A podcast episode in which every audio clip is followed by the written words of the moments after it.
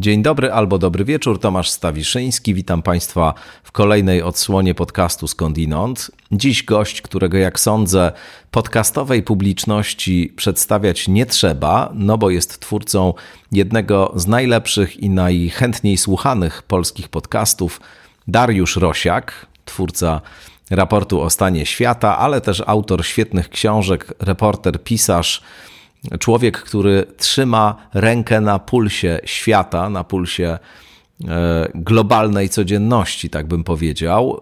E, będziemy rozmawiali o Izraelu i Palestynie, ale nie tylko. Zobaczą Państwo, że ta rozmowa w pewnym momencie zbacza na inne rejestry, ku innym sprawom się kieruje, pozornie tylko niezwiązanym z tym głównym tematycznym rdzeniem, no bo e, właśnie e, Izrael i Palestyna, e, historia tego konfliktu, ale też jego teraźniejszość, to wszystko, co teraz tam się dzieje, to jest coś, co było podstawowym dla mnie punktem wyjścia do rozmowy i pretekstem, żeby Dariusza Rosiaka tutaj zaprosić. Niedawno ukazał się świetny tekst Darka w Tygodniku Powszechnym na ten temat. Od tego tekstu jakoś także chciałem się odbić. No ale szybko właśnie schodzimy na tematy tego, jak my właściwie o tym konflikcie rozmawiamy, jak go oceniamy, na ile jesteśmy skłonni do tego, żeby rzeczywistość tego konfliktu chcieć dostrzec, a na ile wolimy go na różne sposoby i z różnych stron, z różnych pozycji e, jakoś sobie uprościć i zredukować. No i jak to w ogóle pracuje w takim szerszym planie dzisiejszej rzeczywistości informacyjnej, medialnej, politycznej, społecznej e, także polskiej. Ten wątek polski również w tej rozmowie pojawi się w drugiej jej części. Tam e, kwestie e, już poniekąd trochę omawiane w rozmowie z Bogdanem Balickim także się e, pojawią i tutaj. Na tym etapie wstępu oczywiście muszę jeszcze podziękować wszystkim patronkom, patronom, subskrybentkom, subskrybentom. Zachęcam do wspierania skądinąd za pośrednictwem Patronite'a albo mojej strony internetowej. I dziękuję oczywiście wszystkim, którzy już to zrobili. Dzięki Wam ten podcast istnieje. Dziękuję firmie Square Tax and Legal Services, doradcy podatkowi i prawnicy za wsparcie rekordowe na Patronite. No i cóż, e, dziś bez żadnych specjalnych e, ogłoszeń parafialnych, może za e, wyjątkiem jednego, to znaczy za wyjątkiem zachęty do tego, żeby Państwo wybrali się do Teatru Komedia na spektakl Misja Sowy jest to spektakl oparty na motywach książki mojej pod tym tytułem. Książka się już jakiś czas temu ukazała, niestety chyba jest już praktycznie poza jakimiś wysyłkowymi sklepami niedostępna w sprzedaży, a to dlatego, że wydawnictwo po prostu które je wydało, przestało istnieć. To było wydawnictwo słowne, marka Burda Media Polska. Burda postanowiła tą markę zamknąć, no i niestety książka wznowień, przynajmniej na razie żadnych mieć nie będzie.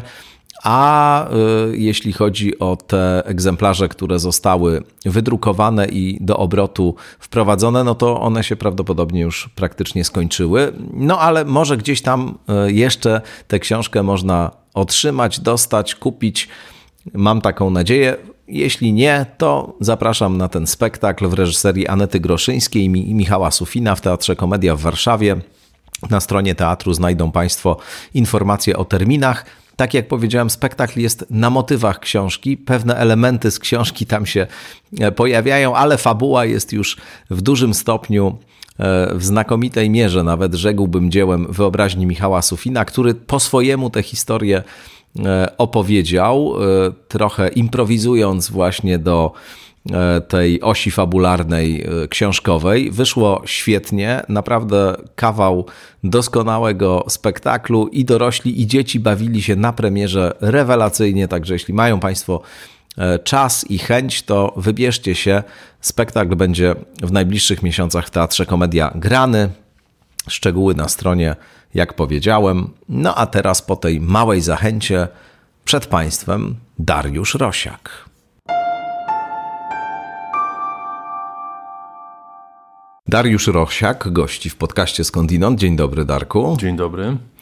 Myślę, że y, zaczniemy od tematu, który jest bardzo kontrowersyjny i także tutaj wśród słuchaczek, słuchaczy skądinąd budził już y, niezwykle silne emocje przy okazji rozmowy z Martyną Wielewską-Baką, którą jakiś czas temu y, odbyliśmy. To był jeszcze inny moment w tej całej historii Izraela i Palestyny, historii tego ostatniego konfliktu. Zacząłbym może od tego, że ty wróciłeś w ogóle z Izraela niedawno. Tak. E, może pomówmy trochę o tej wyprawie twojej. Mhm. Jak długo tam byłeś, co tam widziałeś? Byłem 10 dni i byłem w samym Izraelu i na zachodnim brzegu. E, to była taka podróż reporterska, której celem było zrobienie e, no właśnie reportaży, wywiadów, relacji do raportu o stanie świata.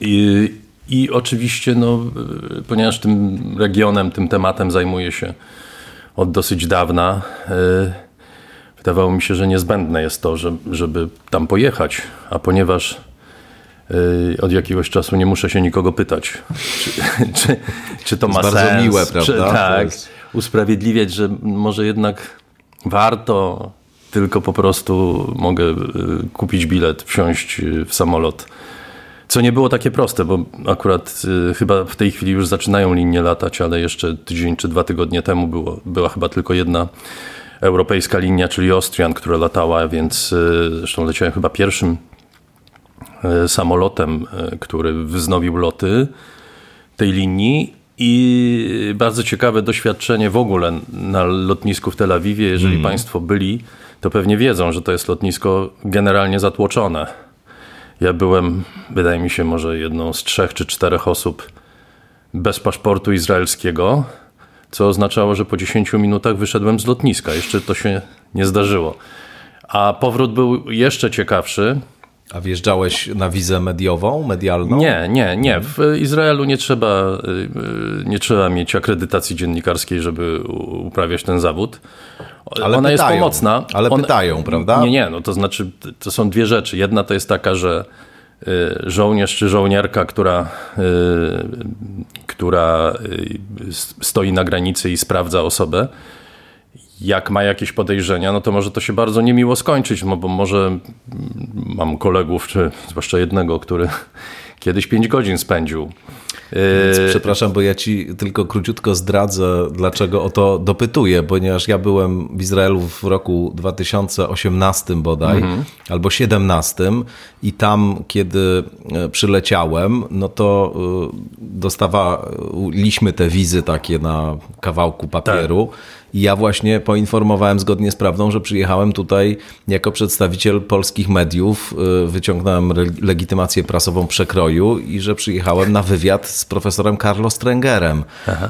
Y, I później, kiedy po trzech dniach wracałem, no to okazało się, że jak ktoś właśnie wjeżdża i informuje, że z mediów jest i na taką mediową wizę wchodzi, to potem wydostać się już jest znacznie trudniej i mnie tam dosyć intensywnie maglowano na tym lotnisku. No więc takie rzeczy się zdarzają, natomiast generalnie jest to tak, że y, no zwłaszcza w tej chwili ten, y, to biuro prasowe przy rządzie wydaje akredytacje. One się przydają, jeśli chce się wjechać do gazy. Mhm. Ja, ja tego nie wiem, czy nie planowałem. To znaczy, nie, nie, aż tak bardzo mi na tym nie zależało, żeby wjechać do gazy. Y, bardziej mi zależało na innych rzeczach. Y, I, i, i, i w związku z tym takiej, takiej akredytacji nie miałem, ale to jest, to jest ważne, żeby wiedzieć, że nie, nie ma takiego obowiązku, żeby się akredytować. Są takie kraje, gdzie taki obowiązek istnieje, a na przykład Polska nie jest takim krajem. Moim zdaniem większość demokratycznych krajów jest między innymi, y, między innymi taki, taki przepis obowiązuje, że jeżeli chcesz relacjonować, spotykać się z ludźmi, to możesz to robić. I tak jest w Izraelu. Y, natomiast jeszcze tylko wracam do tego powrotu, który był jeszcze śmieszniejszy, bo y, ja wracałem z piątku na sobotę, czyli w Szabas, czyli nie latało Elal i to było zupełnie niezwykłe, takie spuki powiedziałbym, jakieś mroczno, dziwne mm. doświadczenie, kiedy jest jeden lot na lotnisku w Tel Awiwie, podjeżdżam taksówką i mówię to już? Tak, to już. stoi jed, jeszcze jedna taksówka na tym lotnisku. Lotnisko całkowicie puste. Hmm. Całkowicie puste, nikogo nie ma. Więc e, tak to w tej chwili wygląda. Te wszystkie sklepy, knajpy nie działają. Nie, to a właśnie o to chodzi, Czy że działa? to wszystko działa. Działa. To wszystko działa, jest dokładnie tak samo jak było, tylko nie ma turystów. Tylko nie ma turystów i ja w Jerozolimie dużo nie byłem, ale e, w Jerozolimie jest dokładnie tak samo. E, no, czu... nie wiem, nie wiem, szczerze mówiąc, nie chcę udawać, że się czuje jakieś napięcie. No nie, nie, nie sądzę, żeby się czuło. Jest tak samo, jak, jak było wcześniej. Jest oczywiście bardzo widoczna w Izraelu. Y, bardzo widoczna jest nieobecność tych 130 kilku zakładników, którzy ciągle przebywają w gazie, przetrzymywani przez Hamas. To jest podstawowa rzecz, która wydaje mi się łączy wszystkich Izraelczyków w tej chwili bez względu na poglądy polityczne. To, że tych ludzi nie ma, jest największą wyrwą społeczną, jest największym problemem społecznym e, tego kraju. W tej Mówisz, chwili. że ta nieobecność jest widoczna w jaki sposób? Wszędzie są zdjęcia, zdjęcia tych y, zakładów. No nie wiem, w Tel Awiwie na głównej ulicy są mi, pokrwawione misie na ławkach rozłożone, y, do których przypięte są na przykład zdjęcia y, zakładników. I oczywiście natychmiast pojawi się pytanie o to, czy Izraelczycy martwią się o 25 tysięcy Y, Palestyńczyków, którzy zginęli. E, moim zdaniem martwią się mniej y, niż o zakładników. Y, myślę, że to, co się stało, jest takim bardzo poważnym wstrząsem dla całej tej, nazwałbym to wspólnoty propokojowej, czy propalestyńskiej, tak byśmy to nazwali, w Izraelu, która do niedawna znaczy ona traciła mm, swoje wpływy przez ostatnie dekady bardzo silnie, ponieważ byli to ludzie, którzy wyrastali z partii pracy. Partia pracy realnie rzecz biorąc nie istnieje w tej chwili, jest kompletnie zepchnięta na margines. Y, I y, no tak, to znaczy, jeśli miałbym szczerze odpowiedzieć, to nie, nie, nie czułem jakiegoś specjalnego zainteresowania losem Palestyńczyków w Izraelu.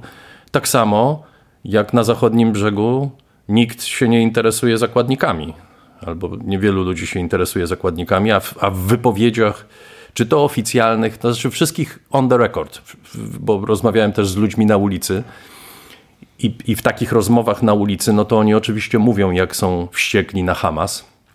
Natomiast w żadnych rozmowach, które yy, nagrywałem, nie, nie było takiej takiej opinii. To A znaczy Hamas, Hamas jest ruchem oporu. oporu. Hamas jest ruchem oporu. Wszystko to, co się dzieje, jest winą Izraela. A off the record? A off the record mówią, że to są złodzieje, że to są ludzie, którzy przez 15 e, lat czy 20 lat już prawie jak rządzą, nie zbudowali jednego schronu dla ludzi, e, tylko wybudowali system kanałów czy system tuneli, w których sami się w tej chwili chronią. Y, y, y, ja opieram się na rozmowach, które prowadziłem w Ramali z ludźmi, którzy są z gazy, ponieważ w momencie, kiedy nastąpił atak Hamasu, ci wszyscy, którzy pracowali w Izraelu, nie mieli prawa wrócić do gazy i zostali przez Izraelczyków rozlokowani w różnych innych miastach, takich jak właśnie Ramala, czy Nablus, czy tam y, Jericho, y, w tych arabskich y, miastach. Mm, i ich opinia jest, jest dwuznaczna, to znaczy z jednej strony winią absolutnie przede wszystkim Izrael za to, co się dzieje, ale też widzą, no, do czego doprowadziły lata rządów Hamasu. W Izraelu y, rozmawiałeś y, z ludźmi na ulicy, ale spotykałeś się z jakimiś przedstawicielami mediów, politykami. Tak, no, rozmawiałem, taki... rozmawiałem z prawnikami, rozmawiałem z y, aktywistami. Wydaje mi się, że jedną z takich ciekawszych rzeczy dla mnie, olbrzymim takim, powiedziałbym, przeżyciem, ale też dziennikarskim, czy też nieskromnie powiem osiągnięciem, było to, że udało mi się porozmawiać z byłym szefem Shin Betu, Ami Ayalonem, I to jest, y, to jest postać niezwykła, zresztą napisał książkę, która... Shinbet, czyli wywiad. Y, Shinbet to jest kontrwywiad, to znaczy kontrwywiad, fałda, to są tak. ci panowie z fałdy. Z fałdy, tak jest. I napisał książkę, która jest jego książką wspomnieniową, taką autobiografią, ale bardzo ciekawie zrobioną, ponieważ on właściwie jeździ po różnych ludziach i na podstawie rozmów z nimi dopisuje, pisze swoją historię. To znaczy, ci ludzie mu mówią o tym, czym było jego życie i czym był Izrael za jego czasów. To jest człowiek, który ma w tej chwili ponad 70 lat i dla niego taką formującym, formującym doświadczeniem była wojna Jom Kippur. E, e, e, był przez, na samym początku był komandosem morskim, czyli takim odpowiednikiem izraelskim Navy SEALs. To jest najlepiej wyszkolony oddział komandosów w Izraelu. Potem był szefem marynarki wojennej przez długi czas, a na koniec został po śmierci rabina. Po zabójstwie rabina został y, mianowany na jedną kadencję szefem Shin Betu i, i opisuje, no właśnie, to jest y, nie, niezwykła historia, bo nie tylko on, ale w ogóle szefowie tych służb izraelskich ma, mają jedną cechę wspólną. Tak mi się wydaje. Oni przez 30 czy 40 lat biorą udział w operacjach przeciwko Palestyńczykom, zabijają ich, potem kierują tymi służbami, których celem jest również zabijanie Palestyńczyków, po czym wychodzą z tych służb i właściwie wszyscy albo prawie wszyscy mówią, że fundament polityki, na której oparta jest cała ta praktyka, w której my działaliśmy, jest błędny, jest wadliwy, jest zły. Wszyscy wiemy, co trzeba zrobić. Dopóki Palestyńczycy nie będą mieli własnego państwa, będziemy prowadzili wojnę z terrorystami. Są takie wojny, których się nie wygrywa to już nie on mówi, tylko ja mówię. Są takie wojny, które się nie wygrywa. Nie wygrywa się wojny w Afganistanie. Moim zdaniem nie wygrywa się również wojny w Ukrainie. To znaczy można ten kraj okupować, można robić różne rzeczy, ale jest bardzo mało prawdopodobne, żeby, e, żeby udało się Rosji po prostu przemienić Ukrainę w Rosję. I tak samo Izraelowi nie uda się nigdy, to już mówi Ayalon, wykorzenić e, Hamasu dlatego że Hamas nie jest zbiorem ludzi, tylko jest postawą, jest stanem świadomości. E, I y, no właśnie niezwykłe jest to, że wszyscy ci ludzie dochodzą do tego wniosku po tym, jak przeżyją tą swoją karierę, która polega na prowadzeniu tego typu polityki, czy wprowadzaniu jej w życie. Tak, to rzeczywiście jest ciekawe, ale co oni mówią wobec tego na temat aktualnej polityki E, prowadzonej no. przez Benjamina Netanyahu i na temat też tej, e, e, no właśnie o tym zaraz będziemy rozmawiali, odpowiedzi na 7 października. Zdecydowana, to, czy... zdecydowana no większość Izraelczyków jest przerażona rządami Netanyahu. To znaczy wszyscy, właściwie prawie wszyscy ludzie, z którymi rozmawiałem, nie wszyscy, bo są tacy, którzy oczywiście popierają Netanyahu. To, to jest E, Izrael jest krajem przepołowionym albo krajem, nie wiem, przepołowionym. Jest po prostu posiekanym na różne e, grupy, tak jak większość w tej chwili krajów demokratycznych na świecie. A Izrael jeszcze ma swoją specyfikę, ponieważ jest w stanie wojny non-stop. E, I więc nie wszyscy, bo są tacy, którzy Netanyahu popierają, natomiast no, większość na pewno Izraelczyków obwinia go za to, co się stało 7 października. Uważa, że to jest jego polityka, która doprowadziła do tego.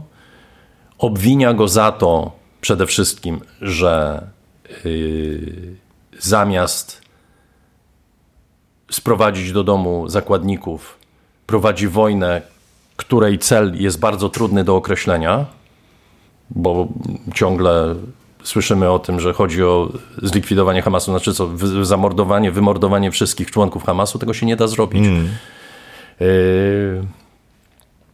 I, I brak jak gdyby sensownej alternatywy, no bo sensowną alternatywą nie jest to. Rozmawiamy dwa dni po tym, jak się odbyła konferencja w Jerozolimie, w której członkowie rządu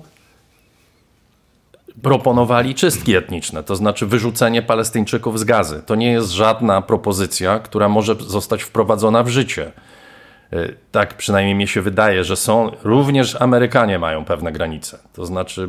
No, na wiadomo, pewno i to podkreślają nawet. Ja wiem, częściej, że to, że tak. oni podkreślają, to, to jest jedno, a to, że y, dla Ameryki nie ma alternatywy poza tak. Izraelem w tym regionie, to jest drugie.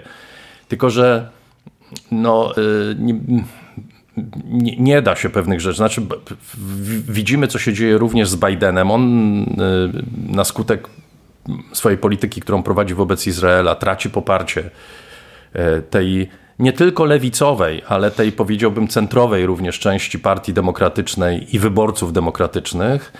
E, I, I on musi to brać pod uwagę, więc propozycja taka, że się po prostu wyrzuci Palestyńczyków z gazy i się osiedlą tam e, mesjaniści, którzy uważają, że ta ziemia się im należy, ponieważ Pan Bóg ją dał w prezencie Izraelowi, y, no to jest, to jest nie do przeprowadzenia.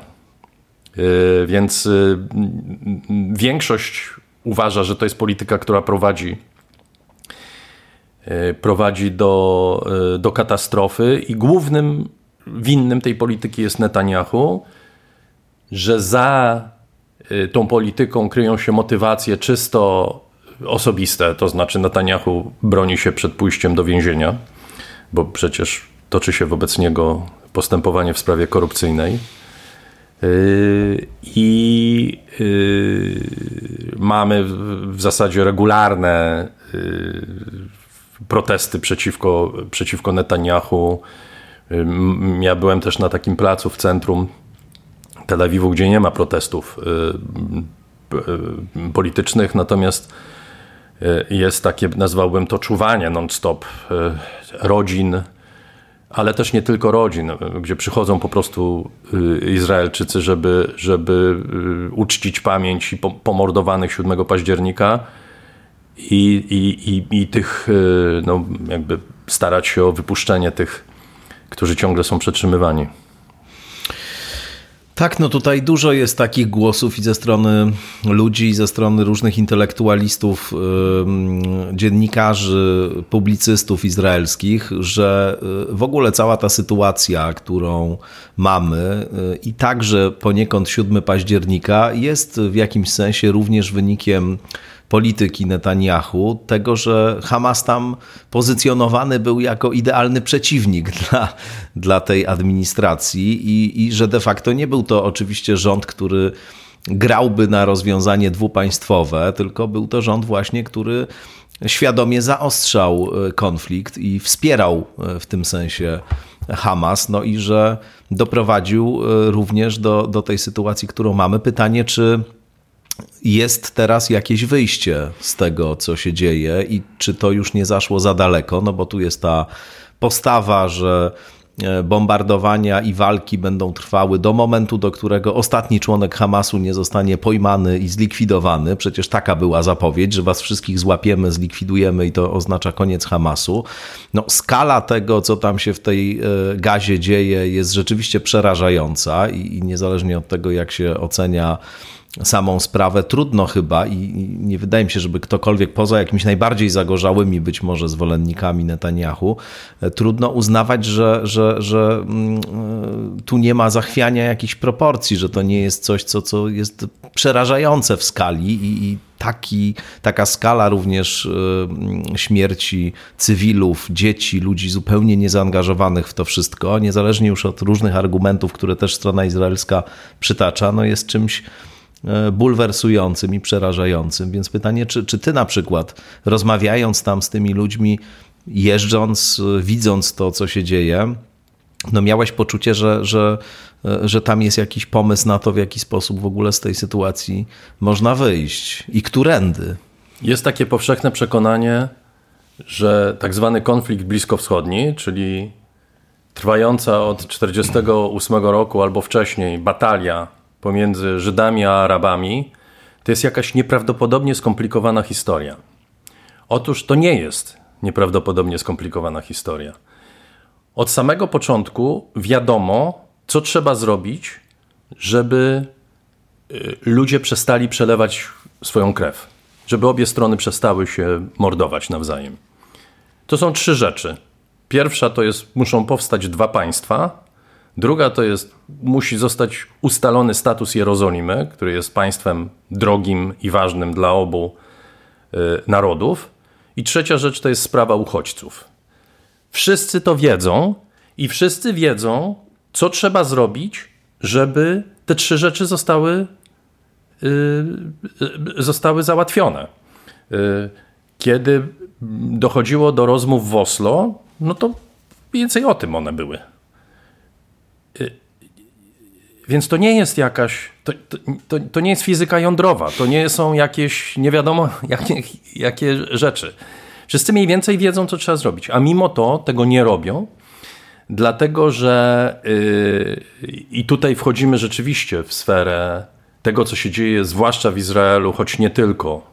Po drugiej stronie jest dokładnie to samo, po stronie palestyńskiej, czyli przesuwania się tej polityki w, w skrajności yy, i zdobywanie Y, wpływów przez, y, przez polityków ekstremalnych, do których należy Netanyahu po jednej stronie, a Hamas po drugiej. I oczywiście to, to też, nie wiem, czasem jest wokół tego snuta jakby taka wizja y, teorii spiskowej. To nie jest żadna teoria spiskowa, tylko to jest doskonale opisane, w jaki sposób Izrael wspierał Hamas po to, żeby pozbyć się autonomii palestyńskiej. To o tym piszą i Izraelczycy, i, i nie wiem, Amerykanie, są książki na ten temat. To nie jest, wielki, to nie jest wielka, wielkie nie wiem co.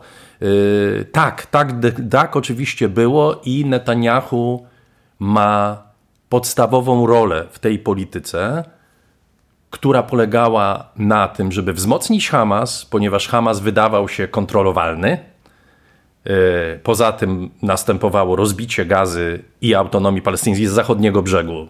Jak są podzieleni, to łatwiej nimi rządzić. E, tylko, że się przeliczył. Dlatego, że do, całej, do całego tego równania doszedł Iran, do całego tego równania doszły kraje Zatoki, które wspierały Hamas, który, Hamas, nie tylko Hamas, Hezbollah, wszystkie milicje, które w tej chwili działają, to wszystko, co się w tej chwili dzieje, no to przecież za tym stoi Iran, prawda? Zahutich, y, Zahuti, y, którzy ostrzeliwują statki na Morzu Czerwonym, za te milicje w Iraku czy w Syrii, które atakują Izrael, czy, czy na przykład bazy amerykańskie. Za tym wszystkim stoi Iran. I to, to było przeliczenie się Netanyahu. Y, jak z tego w tej chwili wyjść, no on, on, on, znaczy on jest częścią problemu, a nie częścią rozwiązania. Hmm. I to jest też takie zdanie, które słyszałem bardzo często. Dopóki jest Netanyahu, nie ma w ogóle mowy o tym, żeby cokolwiek się udało, żeby cokolwiek yy, bo będzie rozwiązać. Szedł, bo będzie szedł w zaparte i on eskalował. Szedł w zaparte. Tak? To, on, on, on to, walczy o swoje, on, on walczy o swoje życie, przetrwanie polityczne, a może też o o to, czy nie pójdzie do więzienia. Hmm. Bo cokolwiek by nie mówić o systemie prawnym y, Izraela, to tam i prezydent, i premier już siedzieli w więzieniu. No to nie wygląda y, zbyt optymistycznie no nie, nie, wobec nie, tego, zwłaszcza, no. że te wszystkie fronty, o których powiedziałeś i te obszary konfliktogenne, one się zaogniają cały czas i tam już wrze właściwie z różnych stron. Teraz mamy Mm, te, te wszystkie y, y, kwestie związane właśnie z Ameryką, która tam na Morzu Czerwonym również się, się angażuje. No mamy trzech żołnierzy amerykańskich, którzy zostali zabici w, w Jordanii. No i zapowiedź bardzo twardego odwetu, tak. odwetu którą, którą właśnie słyszymy dzisiaj w mediach. Rozmawiamy 30 stycznia, to tak, jest istotna informacja. Jak, tak. jak Państwo będą słuchali naszej rozmowy, to już będziemy wiedzieli, jaki to był odwet. Właśnie, więc. No ale czy... też Biden, pamiętajmy, że Biden też gra o swoje życie polityczne, o przetrwanie polityczne, więc prawdopodobnie będzie to odwet bardzo mocny. Czy ty, i będąc z nami, rozmawiając z ludźmi, też od lat zajmując się tą tematyką i, i przyglądając się sytuacji na świecie, w tym regionie, o którym rozmawiamy również, masz takie poczucie, że my stoimy na progu rzeczywiście dzisiaj E, no, jakiegoś niebezpieczeństwa że nam się to wszystko w ogóle globalnie wymknie spod kontroli i że ta jakaś stabilność taka względna bardzo przecież i, i też widziana z pewnej perspektywy tylko jako taka nienaruszalna czy bezpieczna, no właśnie legnie w gruzach totalnie i za chwilę tutaj będą się działy rzeczy, których sobie jeszcze nie wyobrażamy teraz? Czy, czy myślisz, że to właśnie jest tylko takie iskrzenie, a zbyt wiele tu jest interesów, które mogłyby zostać zagrożone, gdyby na przykład wybuchła trzecia wojna światowa, więc do tego nie dojdzie? Bo jeszcze jest przecież Rosja w tym wszystkim, mówisz o Iranie, ale Rosja też swoje tam jakieś interesy próbuje Tak, tylko y, też chcemy, chcemy widzieć y, łapy Rosji w każdym, wszędzie, wszędzie w każdym konflikcie. Tutaj no, przynajmniej ja nie znam dowodów na to, żeby Rosja maczała y, y, palce w tym, co się wydarzyło 7 października, chociaż oczywiście cieszy się z tego, przypuszczalnie, mm, bo to jest problem dla Ameryki, to jest mm. problem dla, dla, generalnie dla Zachodu.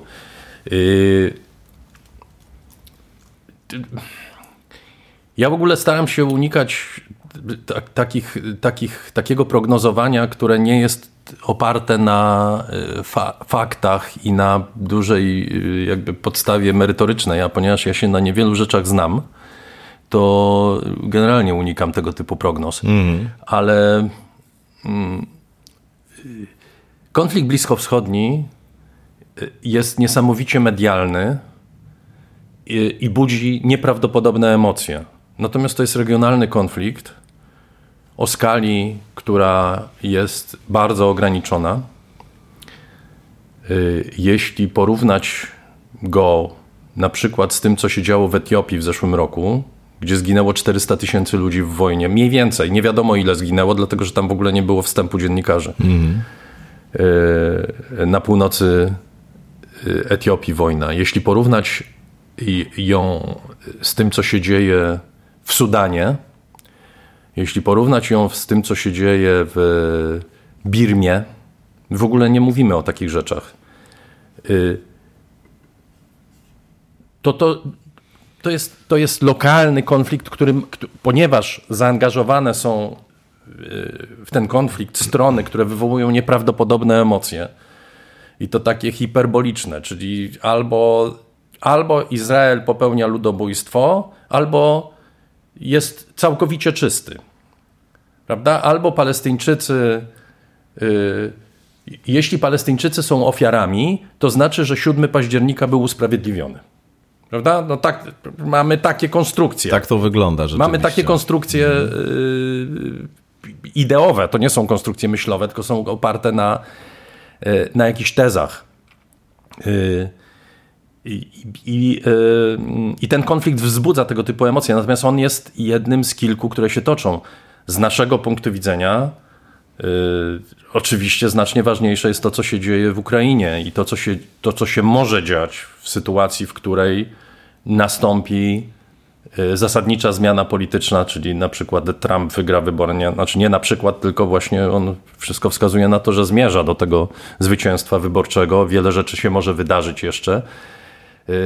I znowu wszyscy wydają się wiedzieć, co zrobi Trump. Moim zdaniem jego życie polityczne pokazuje, że nie, nie, nie mamy pojęcia, co zrobi Trump. Wydaje nam się, że on natychmiast się dogada z Putinem i powie: Putin, zabieraj sobie tą Ukrainę, byleby tylko, byleby, bylebyśmy my nie musieli wydawać na, to, na pieniędzy na, na broń dla Ukrainy. Ja nie wiem, czy tak będzie, może tak będzie, ale raczej wątpię. To też nie, nie, niekoniecznie musi w ten sposób wyglądać. Natomiast oczywiście, że to jest ogromne zagrożenie. I ogromnie ważne jest, ogromnie wyglądać? ważne jest, żebyśmy ten czas, my, to znaczy Zachód, żebyśmy ten czas wykorzystali jakoś. Zaraz do tego wrócę, do tych wątków, które tutaj poruszyłeś i, i też porozmawiamy sobie o recepcji tego konfliktu właśnie i o tym, jak my go sobie opowiadamy, jak się też przerzucamy nawzajem różnymi oskarżeniami. Bardzo ciekawy tekst się niedawno twój e, ukazał na ten temat w Tygodniku Powszechnym i do tego tekstu chciałem nawiązać, ale e, zaintrygowało mnie to, co powiedziałeś o Trumpie, bo, bo rzeczywiście dominowało takie przekonanie także niedługo po wybuchu wojny, po tym jak Rosja wkroczyła na Ukrainę, że całe szczęście, że tutaj Trumpa nie mamy, bo e, prawdopodobnie nie byłoby żadnego wsparcia dla Ukrainy ze strony Stanów Zjednoczonych.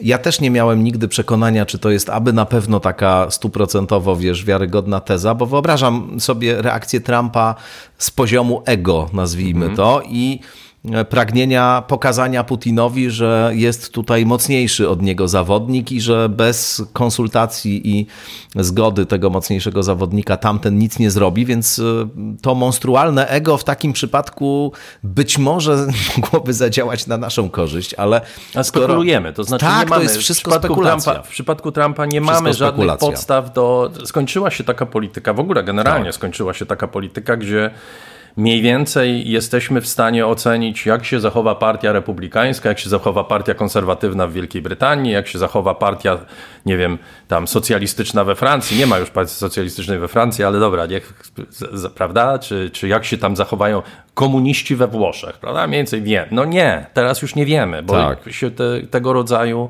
proste rozwiązania skończyły. Ale powiadasz, że nie wydaje ci się, żeby mm, dojście Trumpa do władzy no właśnie oznaczało natychmiastowe wycofanie stuprocentowe poparcia dla Ukrainy. To, to, to jak byś to widział, y, co on może zrobić? Nie, powiedziałem, że nie wiem, jak, jak się hmm. on zachowa. W tej chwili wiele wskazuje na to, że tak właśnie będzie. To znaczy... Yy, yy, jeśli patrzymy na to, co mówi. No, jest to człowiek, który chce, czasami mówi o tym, że należy wycofać Stany Zjednoczone z NATO. Yy, należy wycofać wojska amerykańskie z Europy. Yy, I, i, I, twierdzi, że jeżeli byłby prezydentem, to w ciągu dnia czy dwóch dni zakończyłby wojnę w Ukrainie. Nie wiem jak, w jaki sposób, jak, nie wiem jak traktować takie słowa. No, takie słowa można traktować poważnie. Zakończenie wojny w Ukrainie w ciągu dwóch dni musiałoby oznaczać po prostu poddanie się Ukraińców y, Rosji. Y, jeżeli Putin wygra tę wojnę w taki sposób, że wizerunkowo będzie mógł odtrąbić swój triumf, to jest to ogromne zagrożenie dla nas wszystkich.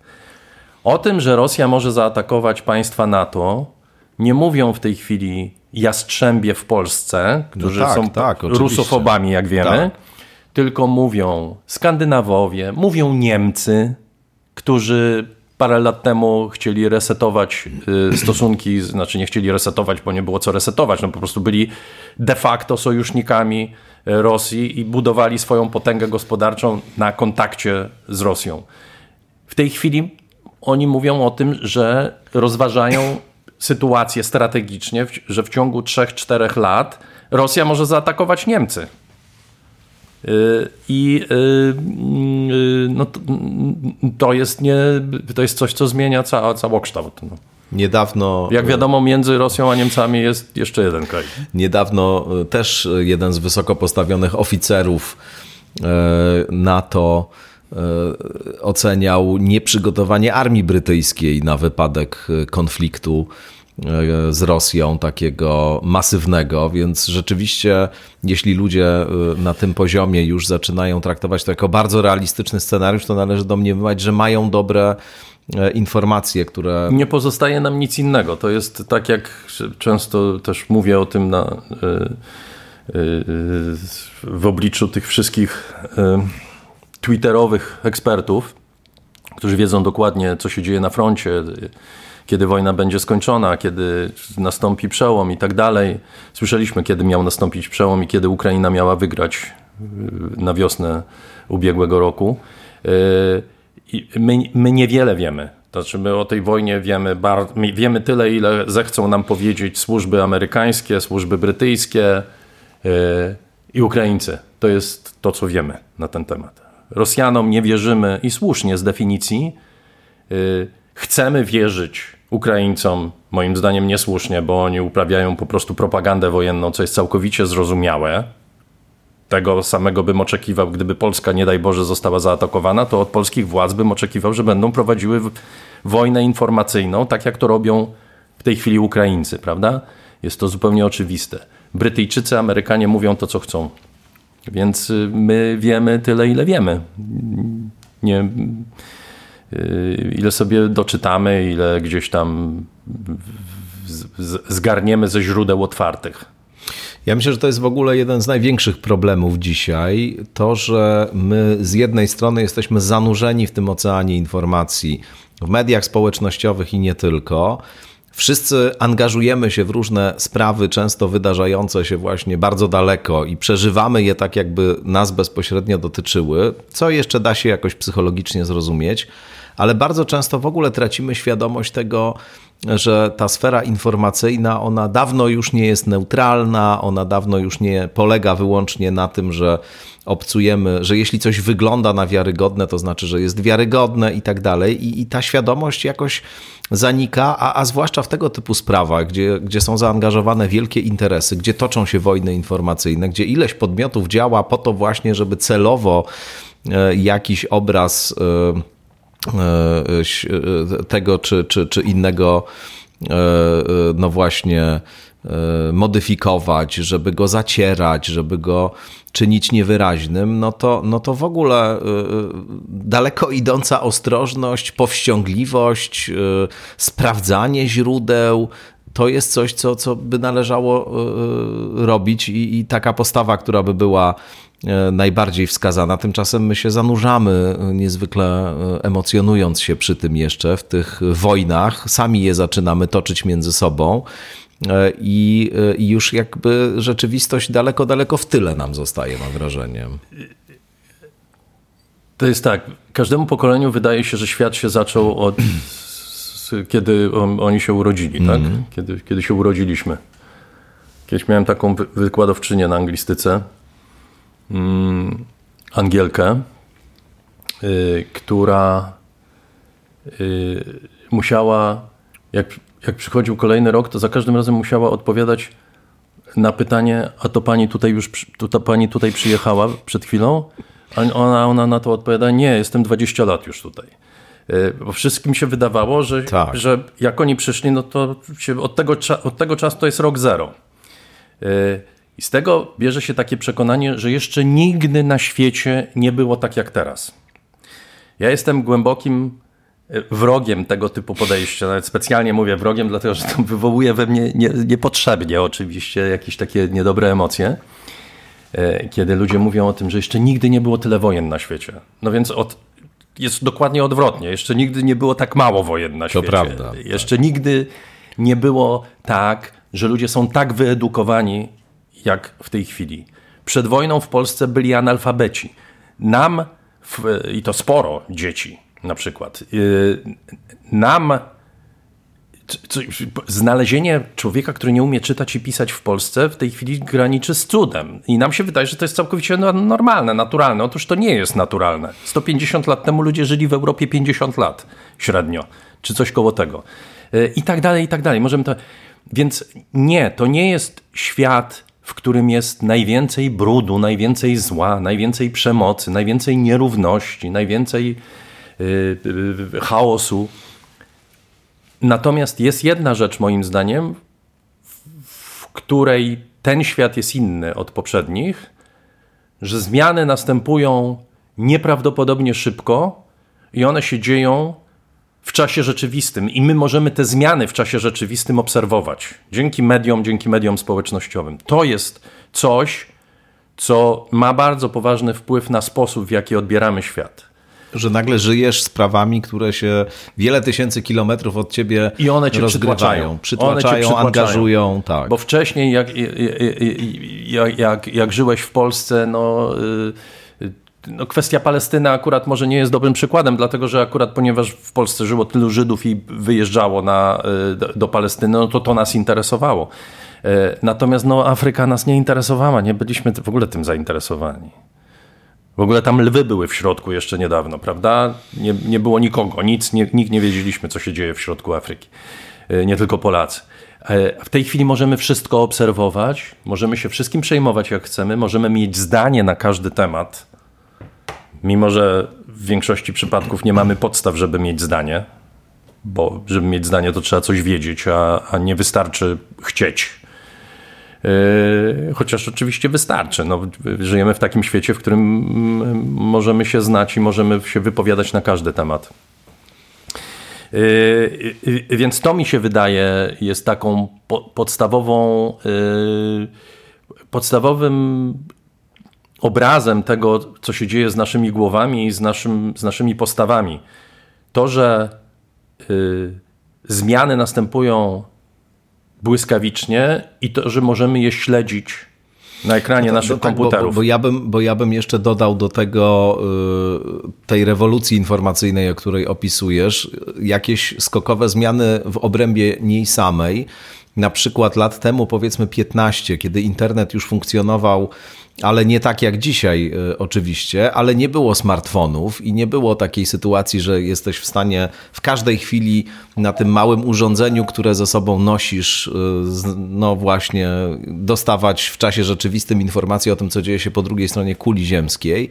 To jednak też było inaczej. Czekało się na, oczywiście. nie wiem, gazetę, na program informacyjny, dostawało się pewien ekstrakt z tych informacji, a nie coś, co płynie niekontrolowaną rzeką i bombarduje i jest tak nasycone niesamowicie emocjami. No tu jeszcze jest ten jeden element, o którym powiedziałeś, że, że każdy może mieć e, opinię i zdanie i żyjemy trochę w takim imperatywie, żeby to zdanie mieć na każdy temat. Oczywiście, to jest a zarazem... to znaczy jak nie masz zdania, to tak, się nie liczysz. No tak, wypadasz z tego obiegu, wszyscy tutaj e, postują, wszyscy się oburzają, tak. wszyscy są zachwyceni i tak dalej, ale też jest tak, że że ta twoja opinia może nagle stać się czymś, mimo że pewnych podstaw merytorycznych do jej formułowania nie posiadasz, co właśnie zyska gigantyczną popularność, y, publiczność, da ci dużo poczucia, że jesteś ważny, że twój głos się liczy. E, no na przykład na podstawie właśnie jakiejś intensywności emocjonalnej, którą mhm. nasycisz te opinie i to też właśnie jest element tego krajobrazu, w którym jesteśmy ciągle zanurzeni. No to jest rzeczywiście chyba istotowa, y, jakościowa zmiana w, tak, kult, w kulturze i, i, historii. Mówiłeś o tym tekście w tygodniku. Tak, ja tam do nawiązuję do Jonathana Haidta, tak. który, który pisze o tej systemowej głupocie. Prawda? Systemowa głupota, która polega na tym, że media społecznościowe, zwłaszcza te, te najbardziej popularne typu TikTok czy Instagram, są skonstruowane w ten sposób, że promuje się, dostaje się premię za opinie skrajne. E, nie dostaje się premii za y, opinie nie, nieskrajne, tak? za opinie, które są y, które nie, nie budzą najwię, największych emocji, albo największych emocji negatywnych, albo największych emocji pozytywnych. Y, I z tego rodzi się obawa wśród ludzi używających te media. Ja teraz relacjonuję niezgrabnie tezy Jonathana Haidta, Y, w których y, rodzi się obawa, że zostaniesz zepchnięty na margines, że zostaniesz albo, y, mm, albo wyśmiany, albo zlekceważony, albo cię w ogóle nie będzie. Więc po to, żeby być, musisz się do tych, do tych skrajności dostosować. I z tego potem, jak, jak pisze Hyde, ludzie skądinąd inteligentni zaczynają, zaczynają się zachowywać jak półgłówki. I to jest to, co on nazywa systemową głupotą. E, czyli takim e, działaniem e, opartym właśnie wyłącznie na tych najwyższych, na tych naj, najmocniejszych emocjach. No i że z tego obiegu w mediach społecznościowych właśnie wypierane są treści bardziej zniuansowane, a w mainstreamie zaczynają dominować treści radykalne, in, takie dokładnie, intensywne, emocjonalne. To jest, dokładnie, tak dalej, to, jest tak. dokładnie to, co przeżywamy w tej chwili w mm. Polsce przy okazji zmiany rządu, to co przeżywamy y, na, w związku z sytuacją na świecie i tak dalej, i tak dalej. Tylko, tylko rozwiązania zero-jedynkowe są wybierane przez algorytmy. Y, jak się zaczniesz zastanawiać, no to się nie liczysz. No właśnie, bo, bo ty o tym piszesz y, w kontekście całej tej dyskusji dotyczącej Izraela i Palestyny piszesz o mm, nowym antysemityzmie lewicowym, y, tożsamościowym, y, z którym mamy dzisiaj do czynienia.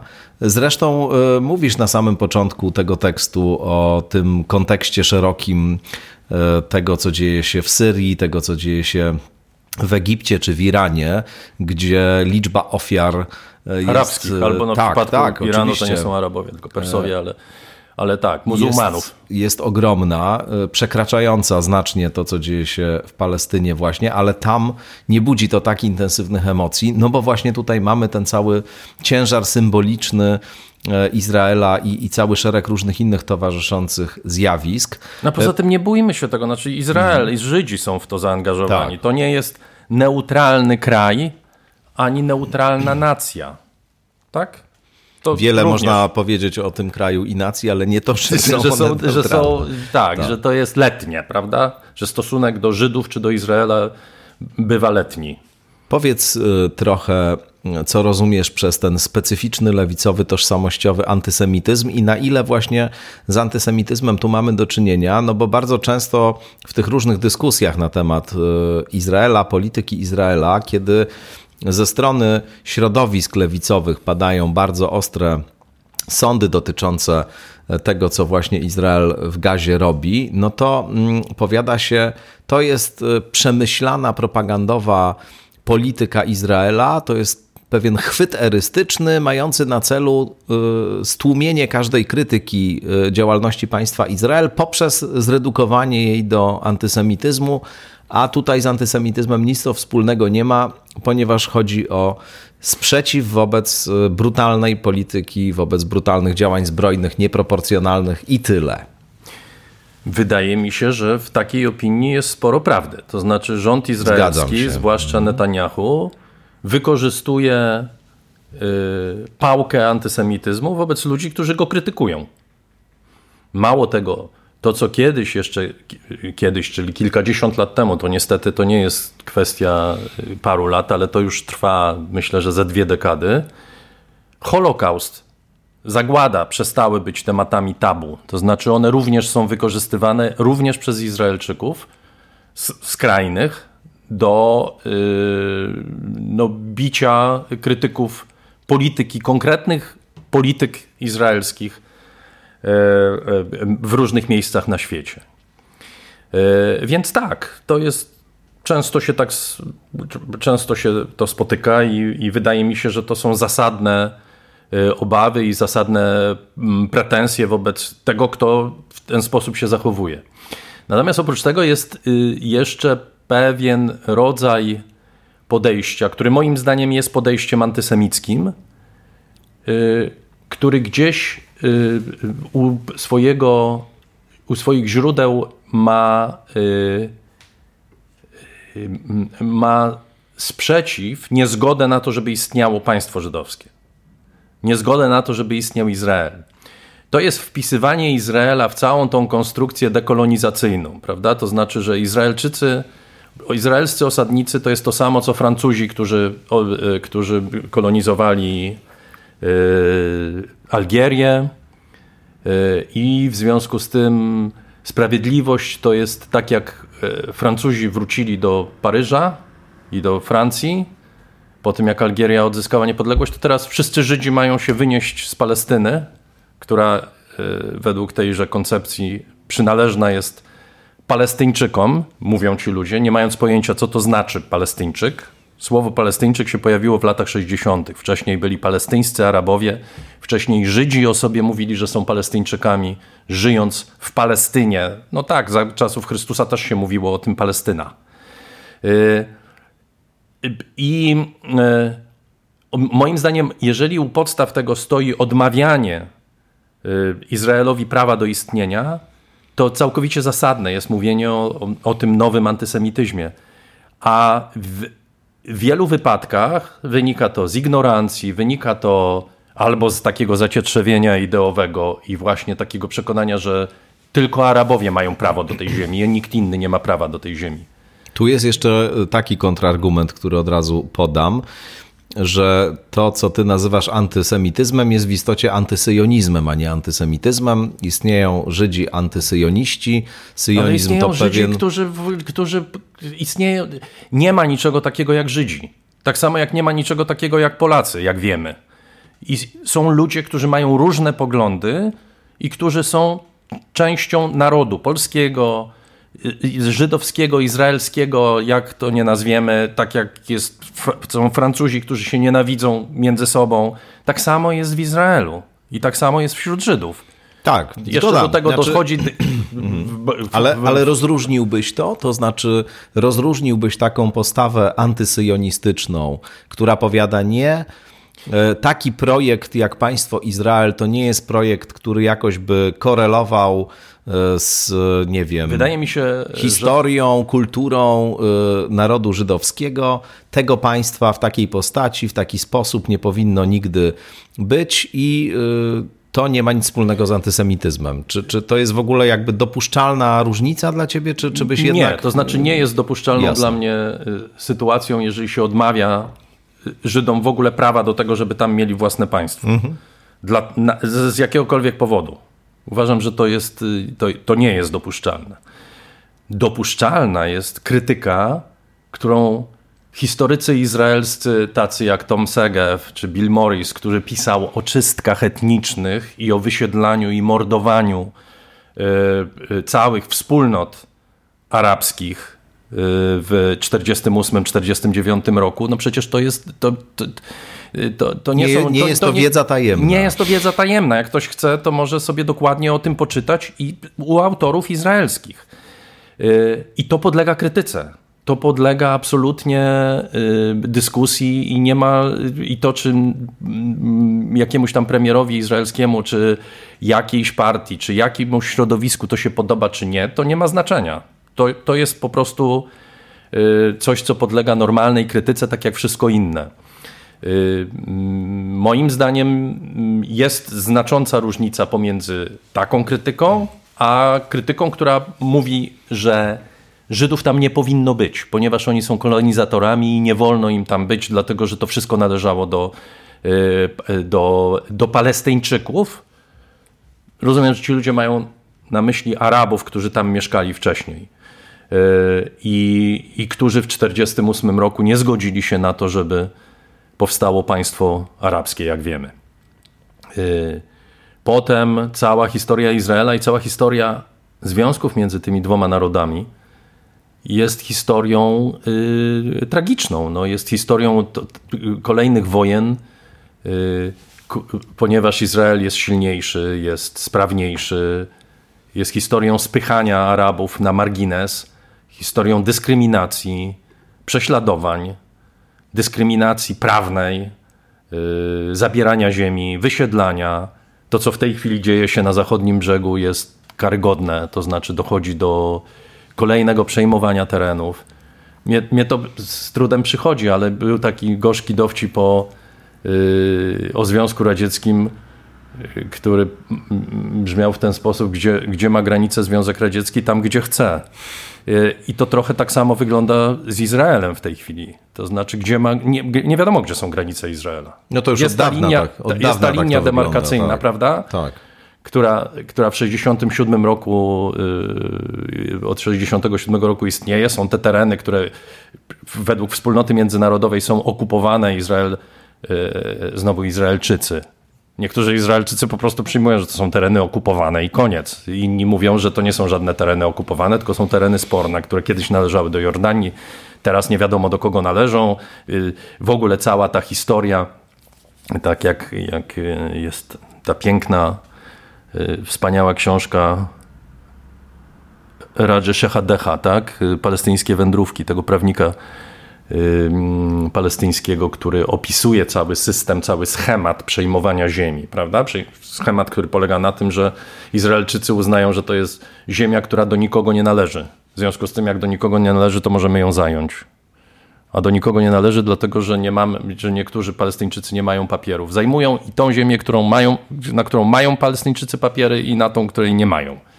Taka jest prawda. Za tak. chwilę będzie jeżeli, jeżeli dalej y, będzie to szło w tym kierunku, w jakim, w jakim idzie, to być może y, Netanyahu zezwoli Izraelczykom, tym mesjanistom zająć tereny w Gazie i też się okaże, że to do nikogo nie należy, bo to jest część wiecznego Izraela, które, które zawsze należał do Żydów, tak? od iluś tam tysięcy lat. Więc tu jest gdzieś ta, ta różnica, która wydaje mi się ważna, istotna. Problem w ogóle z tą dyskusją polega na tym, coś, co gdzieś tam głęboko wydaje mi się zrozumiałe i to, że my oczekujemy zero-jedynkowych odpowiedzi, to znaczy kto ma rację w tym mm -hmm. wszystkim, nie?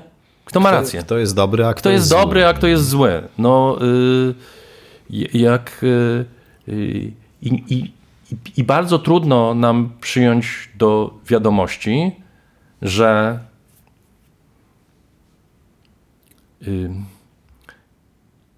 fakt, że Hamas mordował ludzi 7 października i gwałcił kobiety i porwał zakładników, y, to jest jedno.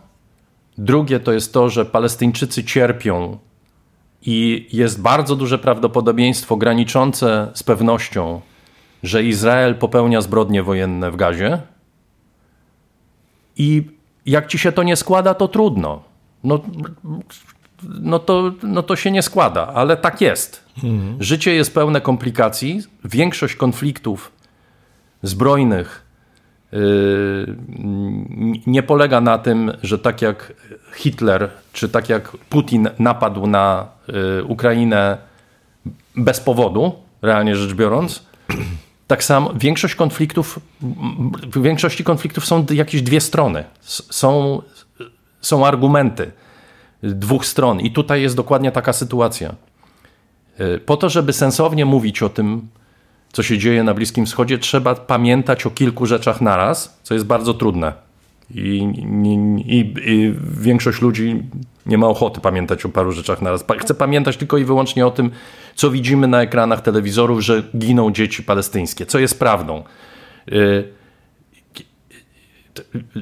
to jest dramatyczna rzecz, tak? Y, ale przytoczę to, dlatego że być może warto. Jak kobieta przychodzi y, i, i, i mówi opinii publicznej, zostałam zgwałcona, to w obecnym czasie wszystkim się wierzy, tym kobietom. Chyba, że jest to kobieta izraelska zgwałcona przez Hamas. To wtedy mamy wątpliwości i zastanawiamy się, czy to przypadkiem nie jest działalność ruchu oporu, która na, gdzieś tam fundamentalnie jest głęboko yy, usprawiedliwiona. Ja powiem więcej, pojawiają się i widziałem takie tezy wygłaszane przez osoby, które wydawały mi się być osobami o wysokich kompetencjach kulturowych, intelektualnych i tak dalej, ale pojawiają się takie teorie spiskowe, może się tym, z tym zetknąłeś, że właściwie to, co się stało 7 października, to w ogromnym stopniu było dzieło armii izraelskiej. Oczywiście, no tak. E, ja rozmawiałem z Palestyńczykiem, który jest bardzo znanym politykiem, startował w wyborach mm, prezydenckich w 2005 roku, jest politykiem umiarkowanym, jest politykiem przeciwnym Abbasowi, Y, który zwraca uwagę na korupcję, na stetryczałość tego całego systemu i który mówi, nie było żadnych gwałtów. No tak, to jest nie, dokładnie nie, właśnie nie, to, mówi, o czym mówię. Tak, niech, tak. Po, niech pan mi powie, niech pan mi pokaże jedną kobietę izraelską, która przyszła i powiedziała, że została zgwałcona. Yy, na argumenty typu, no ale są zdjęcia, które pokazują, są filmy, które pokazują ciała zamordowanych kobiet. Poza tym yy, większość tych kobiet została już pochowana. W tradycji żydowskiej nie ma, nie można dokonywać ekshumacji, nie, będzie, nie, nie będzie żadnego dochodzenia w tej sprawie. Yy, są dowody, są świadectwa ludzi, którzy przeżyli. Nie, to nie. A jakby, a jakby y, Izraelczycy chcieli, to by wcześniej zareagowali. Jak to jest możliwe? Mówią, że tam ludzie w tych schronach siedzieli po 12 czy 15 godzin, zanim przyszła armia izraelska. Jak to jest możliwe? No to jak to jest możliwe? To jest bardzo dobre pytanie i na to pytanie powinien Netanyahu odpowiedzieć i wszyscy Izraelczycy chcą, żeby odpowiedział na to pytanie. Natomiast to, to z tego nie wynika, że tam ktoś... Yy, Y, siedział i, i wstrzymywał akcję. To prawdopodobnie był to wy, wynik, nieprawdopodobnie, tylko był to wynik chaosu i wynik y, totalnego jakiegoś rozkładu y, w tej części armii, która miała zareagować. No, tego oczywiście nie wiemy, tam jest Będziemy wiele... to wiedzieć na tyle, tak. na ile da się to ustalić. Pewnie Izraelczycy to ustalą, kiedy, kiedy... Natomiast ja przypomnę, że przecież w przypadku wielu różnych takich zdarzeń podobnych E, zresztą to, o którym chcę powiedzieć, było niekiedy porównywane do 7 października, czyli e, w przypadku ataków na World Trade Center. Też pojawiały się takie teorie spiskowe i one mają się bardzo dobrze, że stoi za tym de facto rząd e, amerykański, który sam zorganizował no, też, że Żydzi, ten też, zamach. Też były takie teorie, że Żydzi. No bo nie przyszli do pracy wszyscy, wszyscy tego akurat dnia. Jest taka bardzo popularna teoria spiskowa, że nie przyszli rzekomo do pracy. Oczywiście nie jest to prawda, natomiast, natomiast no, tutaj jest jeszcze inny problem, myślę e, związany z tymi zjawiskami, o których rozmawiamy. Ten problem właśnie alternatywnych wersji rzeczywistości, czy alternatywnych prawd, które funkcjonują w przestrzeni e, publicznej, czy w przestrzeni informacyjnej. To znaczy, dziś jest trochę tak, że to nie jest kwestia tylko pewnych interpretacji tego, co się wydarzyło, które możemy mieć inne. Nie jest kwestia oceny moralnej pewnych zdarzeń. Jedni wspierają bardziej Izrael, drudzy go krytykują, tylko to jest w ogóle kwestia tego, że my dysponujemy zupełnie osobnymi wersjami rzeczywistości. W jednych był atak 7 października, w innych nie było. Mhm. W jednym był to czyn e, e, inspirowany i zrealizowany przez Hamas, w drugim, e, w drugim świecie to sama armia izraelska tego dokonała, w trzecim jeszcze w ogóle to jest jakaś inscenizacja i mistyfikacja i tak dalej, i tak dalej. I to jest jeszcze duży problem, myślę, w związku z tym, o czym mówimy. Te dwie wersje rzeczywistości, czy więcej wersji rzeczywistości, to jest trochę to, o czym wcześniej mówiliśmy, to znaczy yy, uleganie takiej wizji, że tylko tylko skrajne rozwiązania są właściwe. Mnie to zawsze zastanawia, dlatego że e, no w ogóle generalnie e, nam jest bardzo trudno przyjąć to również mm, na takim poziomie indywidualnym, że, że ludzie to jest skomplikowana w ogóle maszyna. To jest, mm. Parę lat temu napisałem książkę o Zygmuncie Baumanie i dla niektórych on, już abstrahując od tego, że to są brednie, ale jest mordercą, członkiem NKWD, y, no po prostu symbolem y, y, bestialstwa, stalinizmu i tak dalej.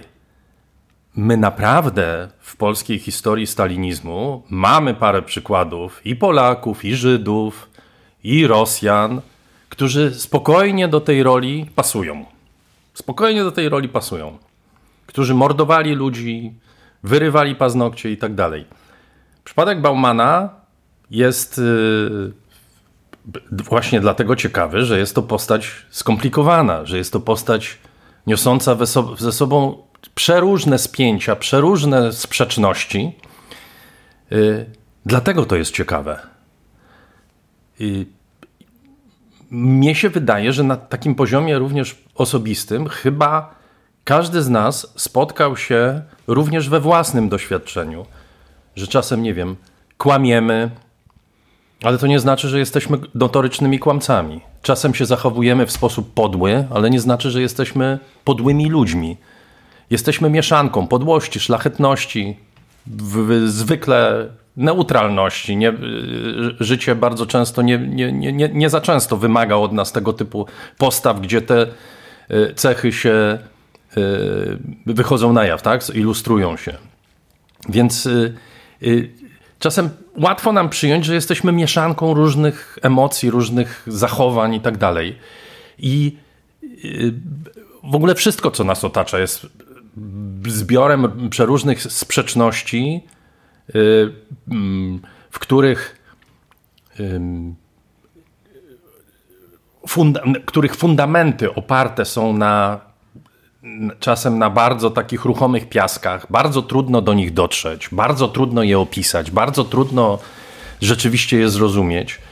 Y, I, y, I ja po prostu sam mówię i wiem o tym, że ktoś tego pewnie słucha i mówi, co, o, o, czym on mówi? No przecież są rzeczy proste, są rzeczy oczywiste, są rzeczy tak jasne i czytelne, że wasza mowa ma być tak, tak, nie, nie, do widzenia. Nie, no na pewno takie są też. Takie są też, ale nie, nie, nie w, w, w większości przypadków dotyczących konfliktów tego typu, o których my mówimy. E, natomiast prosto jest po prostu powiedzieć tak lub nie. No.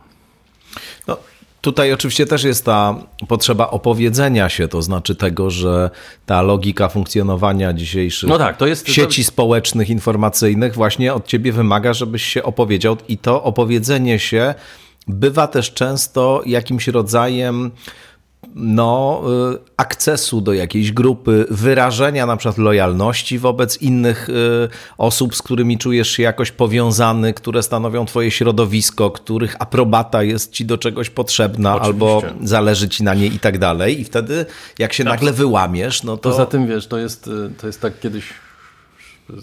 Mam takiego kolegę, nie, nie chcę mówić po nazwisku, ale osoba, która w tej chwili jest dosyć istotnym politykiem w nowym, w nowym układzie, e, a wcześniej był e, wspaniałym historykiem, zresztą do tej pory jest wspaniałym historykiem, znającym się na, na, na, na, na jednej z części świata i w którymś momencie... To już tam zawęża pole jakby. nie chcę. Tak. W którymś momencie on y, zgłosił akces do polityki. Ja mówię, ale po co ci to jest? Y, przecież masz prestiż, jesteś naukowcem, jesteś historykiem, wszyscy cię cenią i tak po co ci to jest, nie?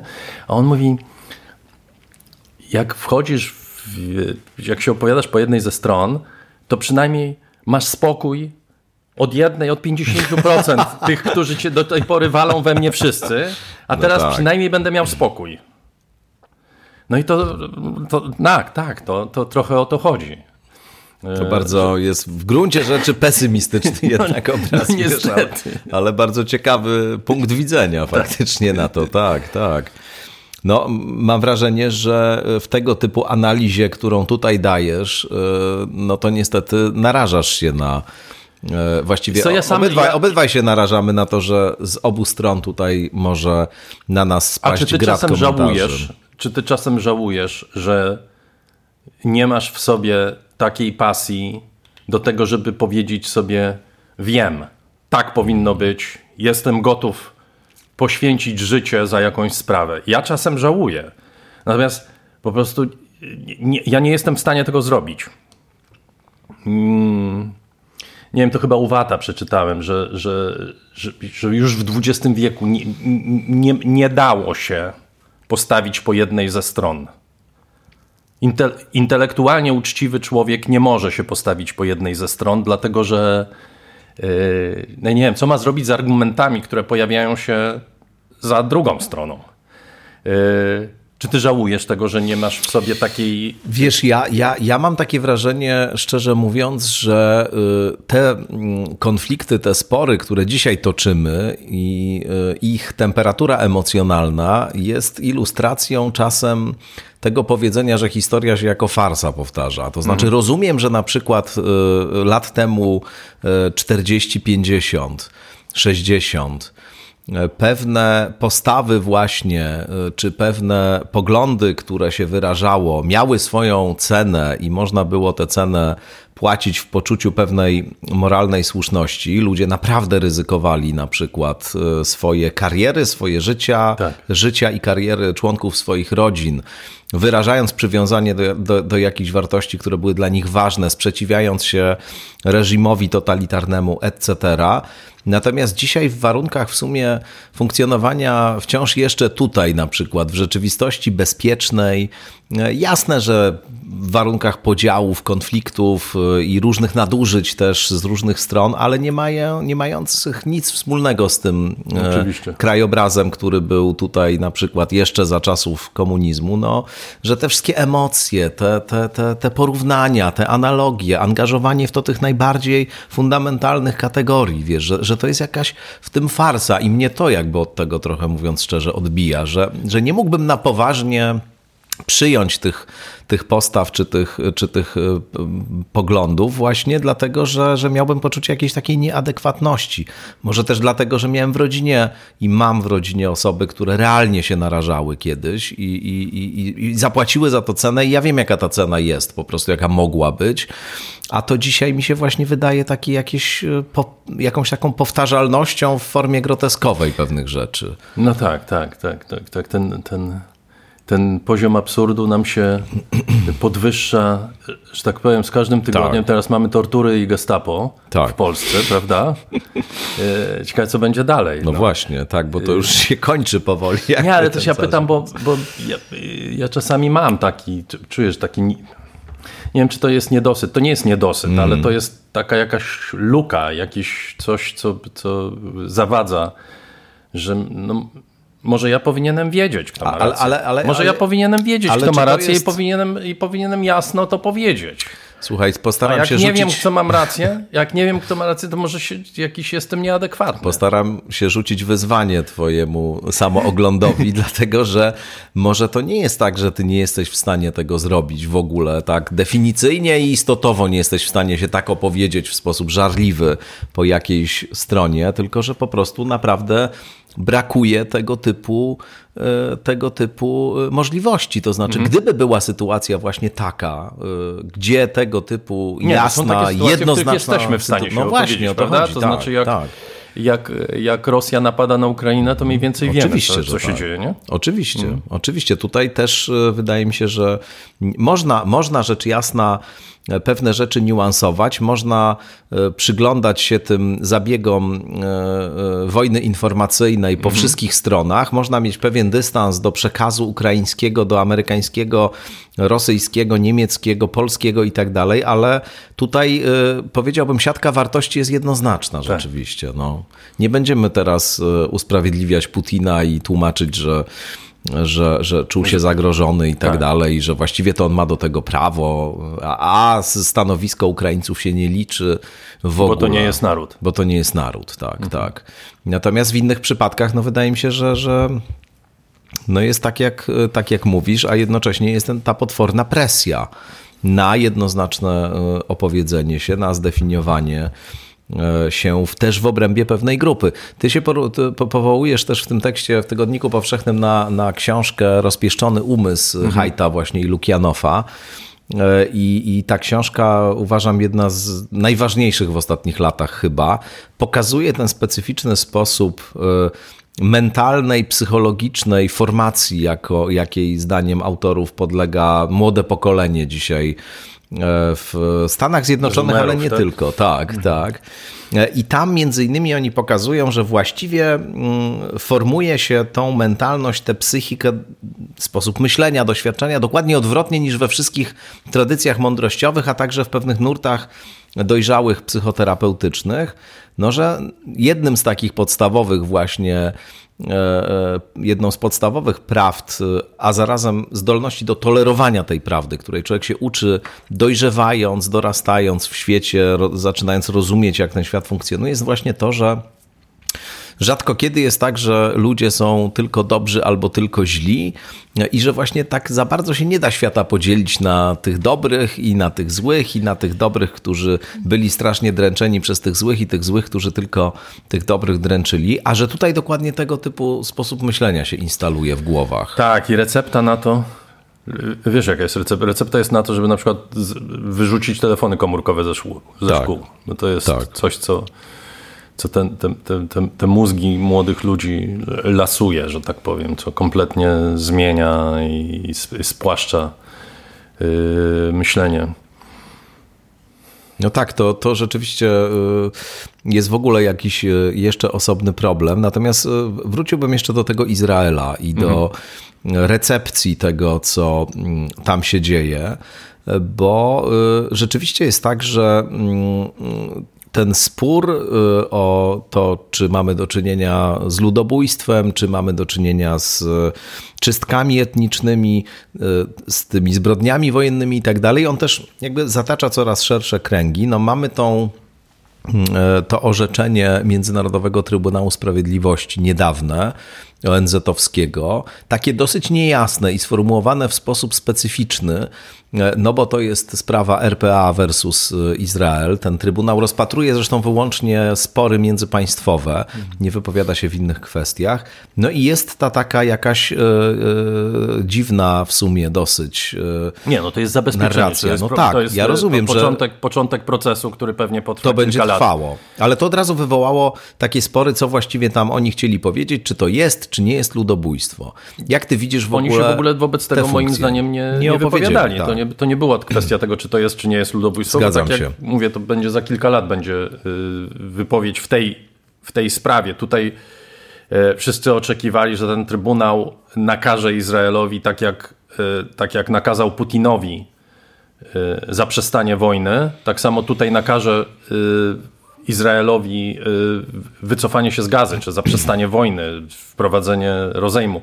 To nie nastąpiło. Y, Wiesz co, nie, nie chciałbym się wypowiadać.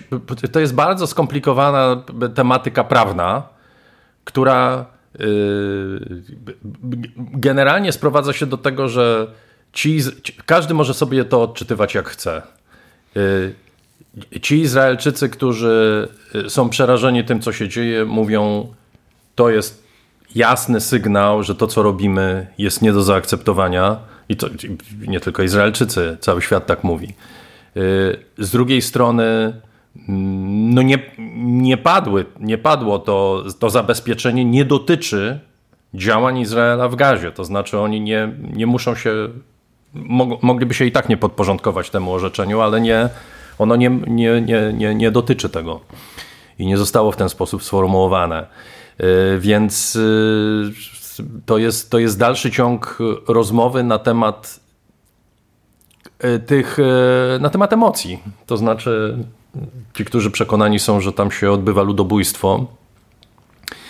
Ostatnio byłem na takim spotkaniu, w którym ktoś opowiadał mi, zaczął mi opowiadać o tym, jak wygląda życie na zachodnim brzegu. Osoba, która tam nigdy nie była. Yy, Osoba, która tam nigdy nie była. Życie na zachodnim brzegu jest straszne, trudne dla ludzi, którzy, yy, którym odebrano ziemię albo którzy nie mają prawa poruszać się. Znam ludzi, którzy po to, żeby pojechać do Gazy, muszą latać z Jordanii do Egiptu i z, i, i z Egiptu wchodzić do Gazy, tak? Coś, co można pokonać w ciągu tam, nie wiem, półtorej godziny chyba samochodem. Teoretycznie tak powinno być. To, jest, to, jest, to, to są straszne rzeczy, które nigdy nie powinny mieć miejsca, ale to nie jest miejsce, gdzie dzieci głodują i umierają na ulicy. To jest normalne arabskie miasto, w którym toczy się życie, w którym otwarte są sklepy, w którym ludzie handlują na ulicy, w którym jest moim zdaniem lepsze znacznie jedzenie niż w Izraelu. A co dobrego jadłeś tam? Wiesz, blisko wschodnie jedzenie, no, No, falafele, ja też jestem wielkim fanem fa- tego jedzenia, Falafele, tak. hu- hummus tabule, y, y, nie wiem, szałarmę, zjesz szałarmę i ona inaczej smakuje niż, y, niż choćby w Izraelu, ale dobrze, stawmy to. Bo tutaj być może to jest najbardziej w ogóle y, kontrowersyjne, co dzisiaj powiedzieliśmy, gdzie- gdzie jest lepsze jedzenie. Y, A moim zdaniem tam jest lepsze. Y, I i- tylko mówiąc poważnie, no, to jest, to jest sp- społeczność i to jest kraj czy, czy te, te, terytoria, które przeżywają ogromną tragedię, ale to nie jest, to nie jest żadne getto warszawskie, no bez przesady. Po prostu y, i, i, i należy zachować jakąś skalę. To są, jak mówię, no, to są miejsca, gdzie praktycznie w Ramali w tej chwili praktycznie codziennie kogoś wyciągają, czy co noc kogoś, kogoś wyciągają i kogoś aresztują. Na zachodnim brzegu dochodzi do y, zabójstw Palestyńczyków dokonywanych czy to przez osadników, czy przez armię izraelską. Armia twierdzi, że większość tych, którzy są zabici, to są terroryści. No może i większość, no ale też padają ofiary niewinne. Dlaczego tak się dzieje? No, powinni mm, powinni na, za, na, za to odpowiadać ludzie. Y, y, Więc, y, więc mówię to po to, że, że, że pojawia się to słowo ludobójstwo, prawda? Jakby Izrael był zaangażowany, tak jak Niemcy hitlerowskie były zaangażowane po prostu w wymordowanie Żydów, tak samo Izrael jest zaangażowany w wymordowanie Palestyńczyków. Jest to absurd, jest to brednia. Nie ma, takiej, takiej sytuacji nie ma. Po prostu nie ma.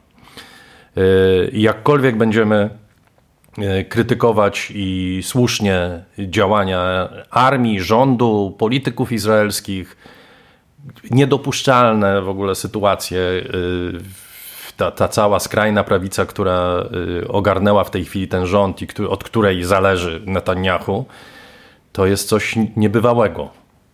Yy, myślę, że dla, dla, dla, wielu Izraelczyków to jest nie do przyjęcia. Myślisz e, o takim fundamentalizmie, e, który No tak, no mówię o Smotriczu czy tam tak. Ben, mm. ben Gwirze, to są, to są ludzie, którzy to są, no, niektórzy z nich są po prostu terrorystami skazanymi przez sądy izraelskie, niektórzy z nich są no, tymi mesjanistami, czyli połączenie jakiegoś takiego fanatyzmu y, nacjonalistyczno-religijnego, który ma dokładnie odpowiednik po, po, po, stronie muzułmańskiej w postaci tych skrajnych y, organizacji, skrajnych.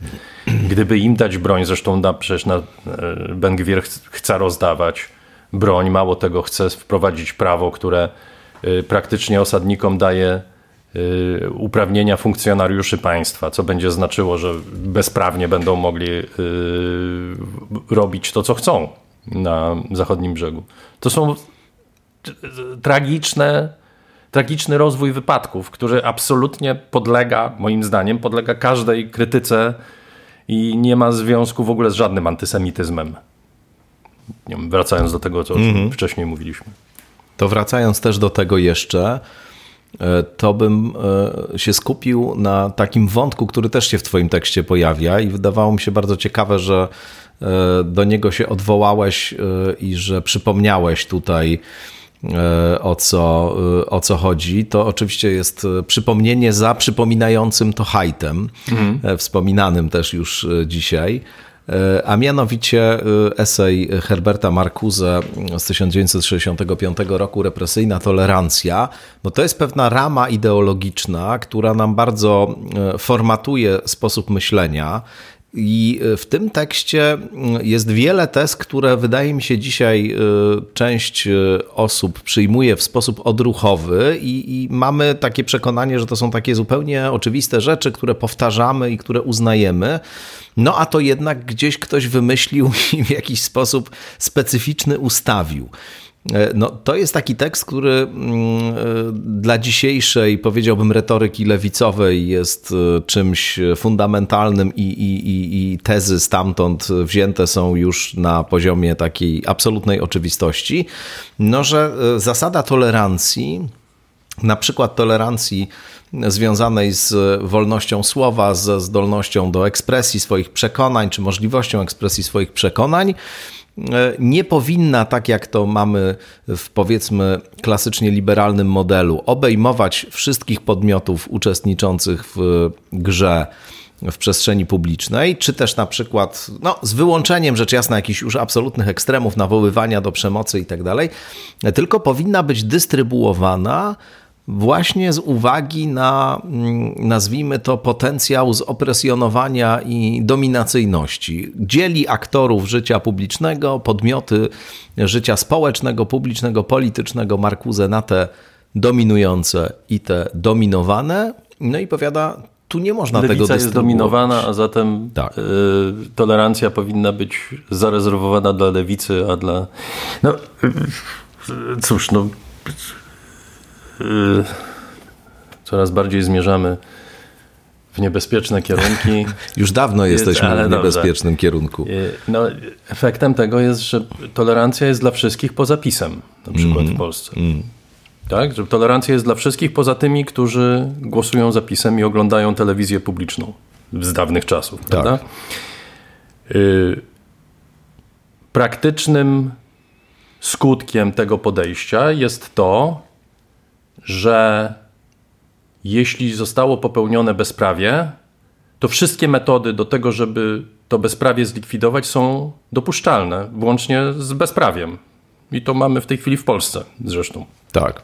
Prawda? Że yy, yy, mamy sytuację, w której stan bezprawia jest regulowany w sposób yy, albo na granicy prawa, albo przekraczający prawo a nieliczni prawnicy, którzy zwracają na to uwagę, na przykład profesor Piotrowski, są traktowani jak y, biedni wujkowie, którzy nie rozumieją ducha dziejów. Y, I, y, i sytuacja, w której mm, PiS wstawia swoich komisarzy ludowych do mediów publicznych jest niedopuszczalna, a kiedy PO to robi, to jest słuszne, ponieważ trzeba tam tych komisarzy wyrzucić. Tu jeszcze jest jeden problem, e, który też umyka oczywiście w nie tym rozważamy, procesie. Tylko ci przerwę, nie rozważamy sytuacji, w której zastanówmy się, jak zrobić to, żeby nie psuć tego państwa dalej. Zgadzam. Ja, ja, ja się absolutnie tutaj zgadzam. E, Dodałbym tylko e, takie, takie, taki, takie uzupełnienie, że mm, no, temu towarzyszy, powiedziałbym, bardzo podobna retoryka.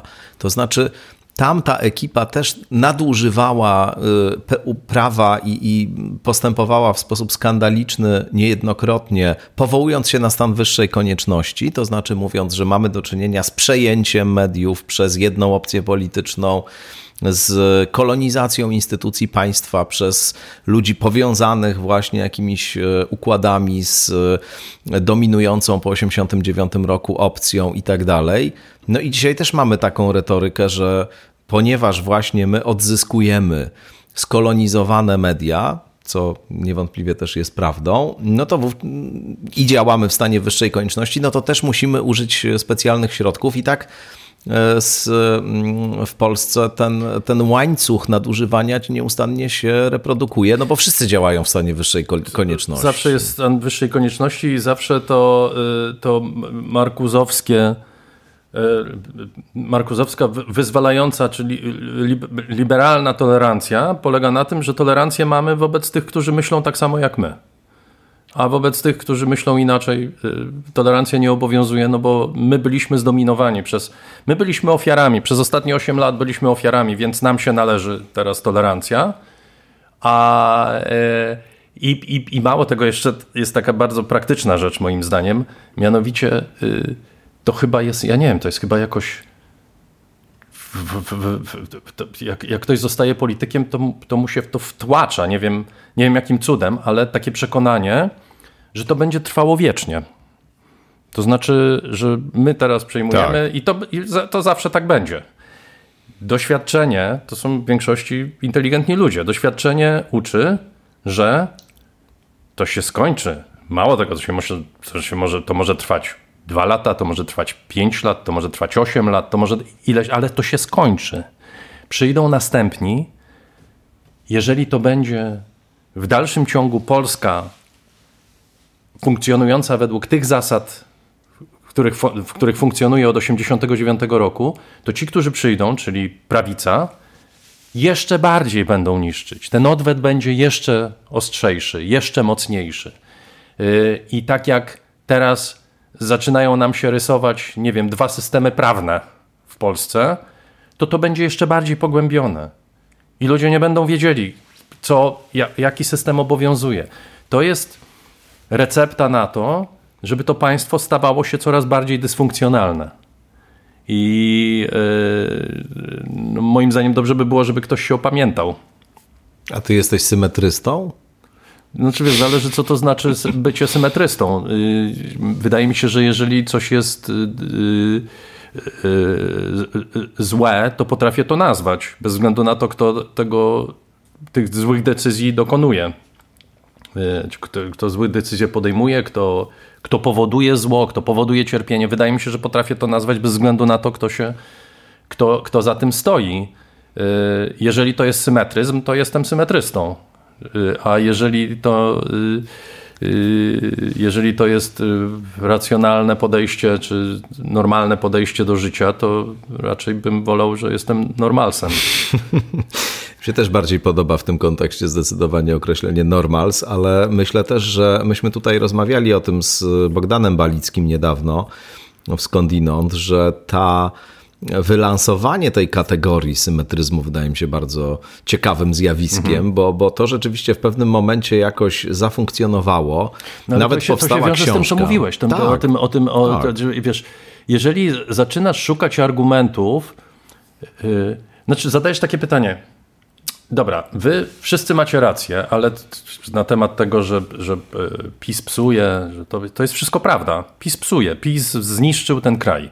Zniszczył media w sposób, w jaki nikomu się nie śniło wcześniej. Te patologie, które istniały od 15 roku, od 2015 tak. roku, to jest coś niebywałego. Pełna zgoda. Zniszczył konstytucyjny charakter tego kraju. Ale na przykład zadajesz pytanie, dlaczego ci ludzie, dlaczego jest 50% Polaków, czy tam 30% Polaków, którzy na nich głosują, mm. w, podczas wyborów to się zwykle przera, przeradzało, prze, przepisywało na to, że PiS wygrywał te wybory do, do ostatniego razu. Jak to się dzieje? Skąd oni się wzięli? Znaczy, co, to są Marsjanie jacyś? Dlaczego oni nie rozumieją tego, co my rozumiemy, co dla nas jest oczywiste? I radzimy sobie z tym w ten sposób, że to są półgłówki, kmiotki, których należy olać i, zostaj i zostajemy my sami. Prawda? Z naszą oświeconą wizją świata. Jeżeli tego nie, nie rozumiesz, to znaczy, że należysz do nich. Prawda? Jeżeli tego nie rozumiesz, to jesteś symetrystą. No, to też y, jest nie tylko taka redukcja, o jakiej powiedziałeś, ale też y, manewr, który eliminuje wewnętrzną krytykę, który pozwala prosty sposób zaetykietować e, kogoś, kto na przykład wewnątrz własnego obozu, mówiąc zatem do tej publiczności naszej, przekonanej, e, popierającej nas i powtarzających, powtarzającej naszą wizję świata, no próbuje wywołać jakiś rodzaj dysonansu, w tym rozszczelnić trochę tak, tak, tak. naszą osłonę i, tam, i tak dalej. I, I, wiesz, i to oczywiście, to, i to akurat dotyczy obu stron, tutaj nie ma żadnej refleksji to znaczy, ja nie słyszałem, żeby ktoś na przykład z, z Platformy Obywatelskiej przeprosił albo przynajmniej wykazał refleksję na temat tego, że y, przez całe ostatnie miesiące przed wyborami niszczeni byli ludzie i, i partie, które y, y, nie zgadzały się na jedną listę. Mhm. Gdyby była jedna lista, to prawdopodobnie PiS dalej by rządził. PiS nie rządzi dlatego, że, że udało się złożyć tą koalicję. Gdyby było tak, jak chciał Donald Tusk, to prawdopodobnie PiS dalej by rządził. Słyszałeś, żeby ktoś się, żeby ktoś jakby z tego, z tego wyciągnął wniosek i powiedział słuchajcie, pomyliliśmy się. Tak, no Hołownia miał rację, Kosiniak-Kamysz miał rację. Trzeba było od samego początku tak iść, ponieważ 2 plus 2 w polityce nie zawsze jest 4, czasem jest 3, czasem jest 8 i tak dalej. No nie ma niczego takiego. A jak ty się czujesz z taką e, postawą, którą teraz e, prezentujesz? Prezentujemy, bo ja się z tobą zgadzam akurat całkowicie. E, właśnie w takiej rzeczywistości jednak, która nie sprzyja tego typu niuansowaniu. Czy, Przyjmuję czy masz poczucie... do wiadomości, że niektórym się to nie będzie podobało. Aha. Czyli rozumiem, że jesteś na to przygotowany, jakie tak. to może wywoływać tak, reakcje. Tak, tak, tak. Rozumiesz tak, to i bierzesz to, Jestem bierzesz za to odpowiedzialność. parę lat daję, daję sobie radę jakoś, chociaż to, no, to, to, to nie jest miłe oczywiście, jak się spotykasz z zarzutami. To nie jest miłe, jak na przykład spotykasz się z zarzutami ludzi, którzy masz takie poczucie, że nie, nie umieją czytać ze zrozumieniem na przykład, albo nie w ogóle nie rozumieją, co się do nich mówi. Oni być może rozumieją, tylko nie chcą, yy, nie chcą w taką rozmowę wchodzić, w taką debatę. Mówiłeś o tym, o tym, że się płaci jakąś tam cenę i absolutnie masz rację, że ta cena, którą my płacimy, to jest po prostu yy, śmieszne. To znaczy, Wiesz, ja na przykład nigdy w życiu się, jak mnie wyrzucali z pracy, to coś się nie uważałem za ofiarę. Uważałem, że po prostu podejmuję swoje decyzje. Wiem, jakie mogą być konsekwencje tych decyzji. Y, jeżeli komuś to nie odpowiada, to trudno, idę dalej. To jest moje życie. Na, tak sobie układam życie i, i, i, i mm, biorę odpowiedzialność za swoje decyzje. To, że się komuś to nie podoba, to jest jego sprawa. Jak ma władzę, to może mnie wyrzucić z pracy. Nie ma dostępu do mnie jako człowieka. Nie ma takiej możliwości. Mm. Może mnie co najwyżej z pracy wyrzucić. I tak samo ci, którzy, e, którym się to nie podoba, no to mają prawo do tego, żeby mówić, że im się to nie podoba. Mają prawo nawet mnie obrażać. E, ja mam prawo nie przejmować się tym. No ale tutaj jedno dookreślenie. Oczywiście istnieją zjawiska bardzo niebezpieczne dzisiaj, które E, mogą kosztować wszystko albo kosztować bardzo dużo. E, także takie, które związane są na przykład e, z mówieniem tego, co się myśli na pewne tematy. Istnieją dziś takie tematy niezwykle drażliwe, tematy tabu, tematy wywołujące bardzo intensywne emocje i istnieje zjawisko cancel culture mhm. tak zwanej, choć jest część takich lewicowych aktywistów, publicystów, którzy twierdzą, że tego w ogóle nie ma, że jest to jakiś wymysł, nie istnieje nic w tym stylu.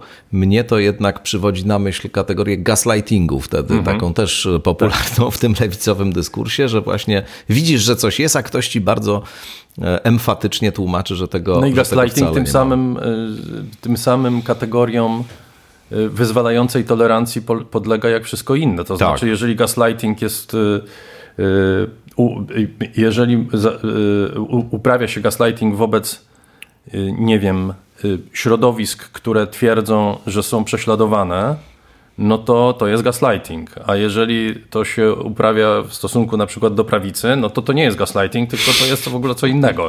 Naturalnie, tak, tak. To jest naturalne. Oczywiście. To, to wiesz, jest też ten, e, ta kwestia e, e, tego, co mm, w książce Przeciw Empatii pisze Paul Bloom, pokazując, że właśnie to ma gdzieś być może jakieś ugruntowanie jeszcze głębsze niż tylko powiedzmy ideologiczne, ale sięga jakichś pokładów ewolucyjnych w nas i tego, że e, w ogóle my jesteśmy po pierwsze plemiennymi e, istotami mhm. E, i że ta plemienność i takie poczucie afiliacji, tożsamości grupowej zakłada właśnie to, że stosuje się podwójne kryteria. To znaczy, że inaczej oceniasz swoją grupę, a inaczej grupę zewnętrzną i że empatia E, tolerancja, bardzo wiele takich, takich niezwykle e, dzisiaj wysoko waloryzowanych e, emocji, czy, czy władz poznawczych, czy władz emocjonalnych, no właśnie cechuje selektywność, cechuje taka podwójność, że, że masz to, ale w odniesieniu do tych, którzy są do ciebie podobni, a jak ktoś jest niepodobny, to E, to, to, to już stosujesz inne kryteria i, i Bloom postuluje, żeby w ogóle przestać o tej empatii tyle opowiadać i o tym wszystkim, tylko e, zastąpić to racjonalnym współczuciem. To znaczy, mhm. żeby to też angażowało głowę i żeby w ten proces jakby przyglądania się e, sprawie, angażować też myślenie, a nie tylko kierować się emocją, odruchem. A to jest bardzo trudne, mam wrażenie, zwłaszcza dzisiaj. Co, to, to też zależy, jakie masz podejście do życia. No nie wiem, ja dorastałem w czasach komunizmu. Mnie się do któregoś momentu wydawało, że komunistów nie ma. Mhm. To znaczy, że wszyscy ludzie, którzy mnie otaczali, mieli takie samo zdanie na temat y, tego, co się w Polsce dzieje. Tak? Mój ojciec był elektrykiem, y, przychodził, do, przychodził z pracy i non-stop było to, co zwykle, prawda? Potem się wszyscy spotykali na tych imieninach. To była duża rodzina. Y, siedzieli wszyscy na tej wersalce, tak, siedem osób na wersalce, prawda, tu przy stole y, i, i tam, nie wiem, rozpijali, jedli te sałatki te schabowe i się kłócili, ponieważ w mojej rodzinie jeszcze byli, mm, były, były część, część, część że tak powiem, dorobiła na, na tym, co się stało. Były, byli członkowie również partii, ale jakby dla mnie oni byli za mgłą, to znaczy wydawało mi się, że tych ludzi w ogóle nie ma. Y, potem miałem taki czas, że bardzo chętnie w 80 latach oglądałem dziennik telewizyjny.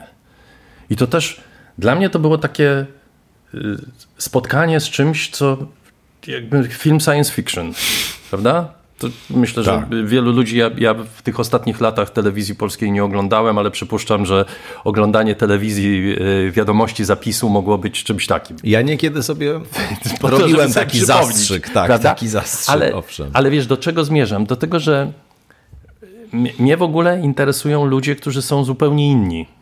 I, i y, chętnie chętnie z nimi rozmawiam. Jeżeli to nie jest oparte na jakiejś wrogości i jeżeli to nie, nie kończy się tym, że ktoś mnie chce przekonać albo że czuje się, że ja go muszę przekonać, tylko po prostu wymieniamy się jakimiś dziwnymi spostrzeżeniami z różnych światów, tak?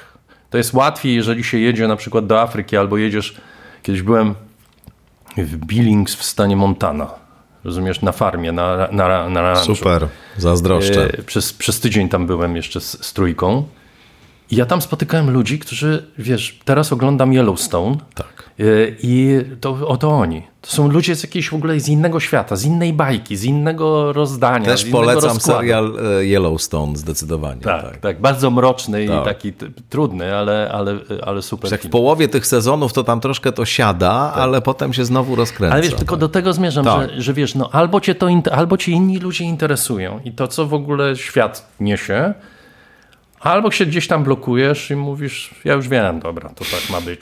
Ale do- tak myślisz, jest że- dobrze, tak jest źle. Myślisz, że w tym można na przykład pójść za daleko? To znaczy, że... No właśnie o tym, o, wiesz, o tym, co się, mówię, że się boję. Ja się zastanawiam czasami, czy, czy nie idę za daleko, czy gdzieś tam nie... Znaczy w tym sensie, że za bardzo próbujesz e, rozumieć. Wszystkich e, rozumiesz i tak, wszystkich tak. rozumiesz i w końcu, wiesz, zostajesz tak jak tak be, bezradny i... Jak Himmelsbach z angielskim, z tym swoim rozumieniem, wiesz, tak, zostajesz tak, na dokładnie. tym. To taka pyszna, pyszna anegdota. No bo rzeczywiście ja rozumiem, że, że mamy też do czynienia z taką sytuacją, kiedy po pierwsze spory są radykalne, po drugie jest wiele takich postaw, stanowisk w przestrzeni publicznej, które mm, no, są problematyczne, które są nacechowane jakąś wrogością wobec różnych osób, grup, które mm, na przykład, e, nie wiem, wiążą się z pochwalaniem przemocy jako metody politycznej i tak dalej. No i można mieć jakiś taki pogląd, że z drugiej strony musimy postawić jakąś tamę, to znaczy, że też nie możemy na przykład zbyt e, empatycznie i, i rozumiejąco e, traktować na przykład Grzegorza Brauna, e, który jest człowiekiem... e, No, Grzegorz Braun łamie prawo. Łamie prawo, ale też łamie wszystkie inne Znaczy- wszystkie zasady. zasady, no, jakby, tak, tak, te tak. wszystkie zasady. Ja bym chciał, że, ja bym chciał żyć w państwie prawa. No, Gdzieś tam wiem, że to jest coraz trudniejsze, żeby to prawo było punktem odniesienia, prawda? Że właściwie wszystko to, co jest zgodne z prawem, jest zgodne z prawem, możesz to robić, a jeżeli coś jest niezgodne z prawem, to ponosisz konsekwencje tego, włącznie z tym, że możesz pójść do więzienia albo że twoje zachowanie jest y, karalne. No tak, ale on na przykład y, robi coś takiego, co też y, gdzieś na pograniczu, mam wrażenie, y, funkcjonuje. to Tak, znaczy tak. specjalizuje się w propagowaniu bardzo y, rozwiniętych teorii spiskowych. Ja akurat jego działalność taką, nazwijmy to publicystyczno po- polityczno-publiczną śledzę od dawna.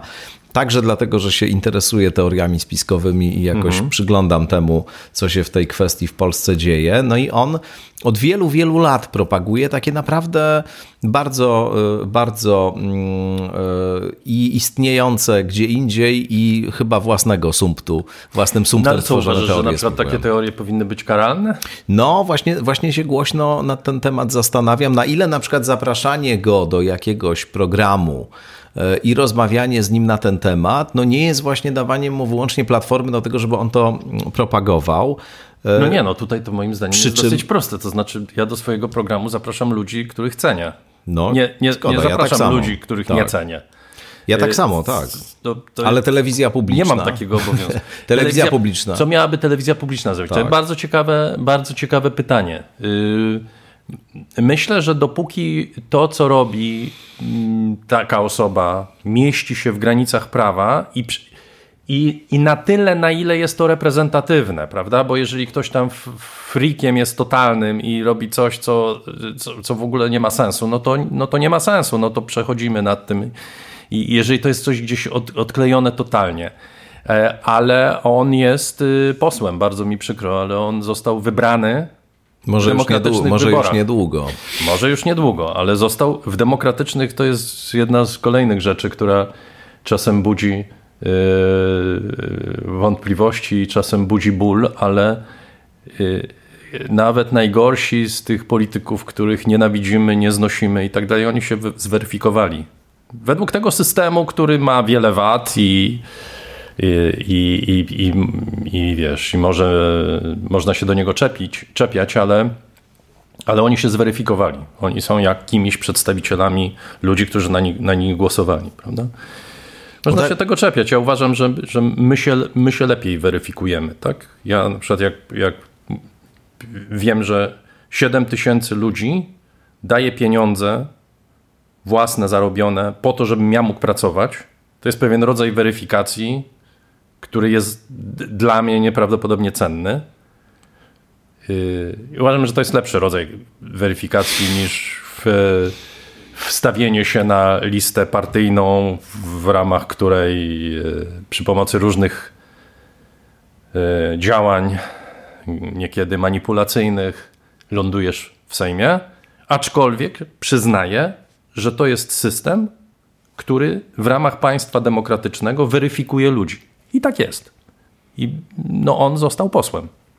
No tak, ale tu z drugiej strony jest coś takiego jak, y, jak na przykład y, sytuacja y, specyficzna, bo szczególna w okresie pandemii, gdzie są wdrażane jakieś procedury związane ze zdrowiem publicznym, gdzie jest też jakaś kampania informacyjna, jest jakiś konsensus naukowy. No, zakładamy, że w takiej rzeczywistości, w jakiej żyjemy, to lekarze zajmują się leczeniem, a a nie, a nie, to nie wiem. bardzo e, ryzykowna no, Wiem, że to jest bardzo ryzykowna teza. Cokolwiek nie powiesz, to właśnie. tak. No to tutaj było właśnie wiele takich kontrowersji. No Oczywiście. i akurat e, i Grzegorz Braun i środowisko polityczne Grzegorza Brauna, Brauna była bardzo aktywne w propagowaniu spiskowych teorii dotyczących pandemii, źródeł pandemii, charakteru samego wirusa, później szczepień.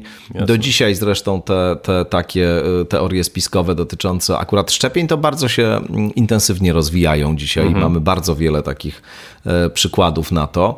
E, no i teraz właśnie masz e, ten dylemat, o którym rozmawiamy na ile ktoś, kto mówi takie rzeczy i w tym sensie powiedzmy stanowi z perspektywy wiedzy medycznej zagrożenie dla zdrowia publicznego, wpuszcza y, y, do społeczeństwa takie przekazy, a żyjemy w warunkach, które wcześniej definiowaliśmy jako warunki tej e, technokracji informacyjnej.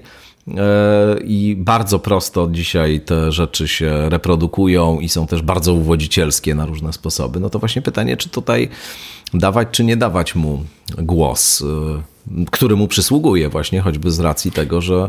Nie wyobrażam sobie sytuacji, znaczy myślę, że szkody, które polegałyby na tym, że się y, ten głos odbiera, byłyby mhm. większe niż to, niż szkody wynikające z tego, że on ma ten głos. Mhm. To tak prost, prosta odpowiedź z pełną konsekwencją, no, zdając sobie sprawę na, wiesz, no, pamiętasz pewnie jakie były kiedyś jakie były kontrowersje wokół Irvinga, prawda? Tam A wiesz, że dokładnie o nim pomyślałem Negowanie teraz, tak. Holokaustu tak. i tak, tak, dalej. No teraz co, co, co, w sieci co druga osoba neguje Holokaust albo co piąta. Yy, nic cię to nie kosztuje, możesz sobie ponegować. Yy, jak e, odebrać gdyby... głos? Odebrać głos tym ludziom? Jak, jak odebrać głos? Jak, jak, y, jak to zrobić praktycznie? Kto będzie im odbierał ten głos? Y, jaka jest Irvinga, cena za odbieranie? Irvinga tam przyblokowano No przyblokowano, bo to jeszcze był taki prawda? czas, to był czas analogowy jeszcze, to znaczy tam można go było skazać, jeszcze można by było, nie wiem, nie wydać jego książki, ale teraz to jest raczej mało praktyczne. Ale ja pamiętam mm, przed e, wieloma laty już, e, choć za czasów internetowych, bo oglądałem to na YouTubie, nawet do, do dzisiaj można chyba zobaczyć tę rozmowę E, był, e, był wywiad e, z Irvingiem przeprowadzony w takim brytyjskim programie Hard Talk mhm. i prowadził go, zdaje się, taki dziennikarz, który w ogóle ten program od wielu, Steven wielu Sucker. lat. Tak. Znakomity dziennikarz. Tak. tak. I on tego Irvinga tam totalnie rozmontował, wiesz. Trwało no tak. to chyba za 30 minut czy 45 no, i on go tam metoda. w kozi róg zapędził wyłącznie przytaczając fakty i zbijając różne tezy Irvinga. I ja to bardzo dobrze zapamiętałem.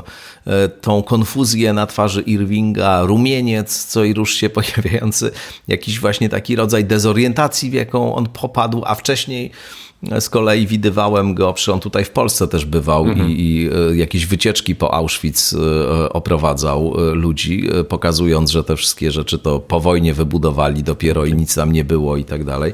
No a tamte jego konfuzje zrobiły wtedy na mnie bardzo duże wrażenie i, i myślę, że tego typu rozmowa przeprowadzona przez takiego bardzo kompetentnego człowieka, który to zbije, no właśnie więcej dobrego zrobi niż e, blokowanie, bo wtedy ten ktoś od razu wyrasta na głosiciela niewygodnej prawdy, którą te wszystkie ośrodki próbują ukryć. Gratuluję optymizmu. To znaczy, moim zdaniem nie ma takiego kogoś, kto, e, kto przekona Grzegorza Brauna, że nie ma racji.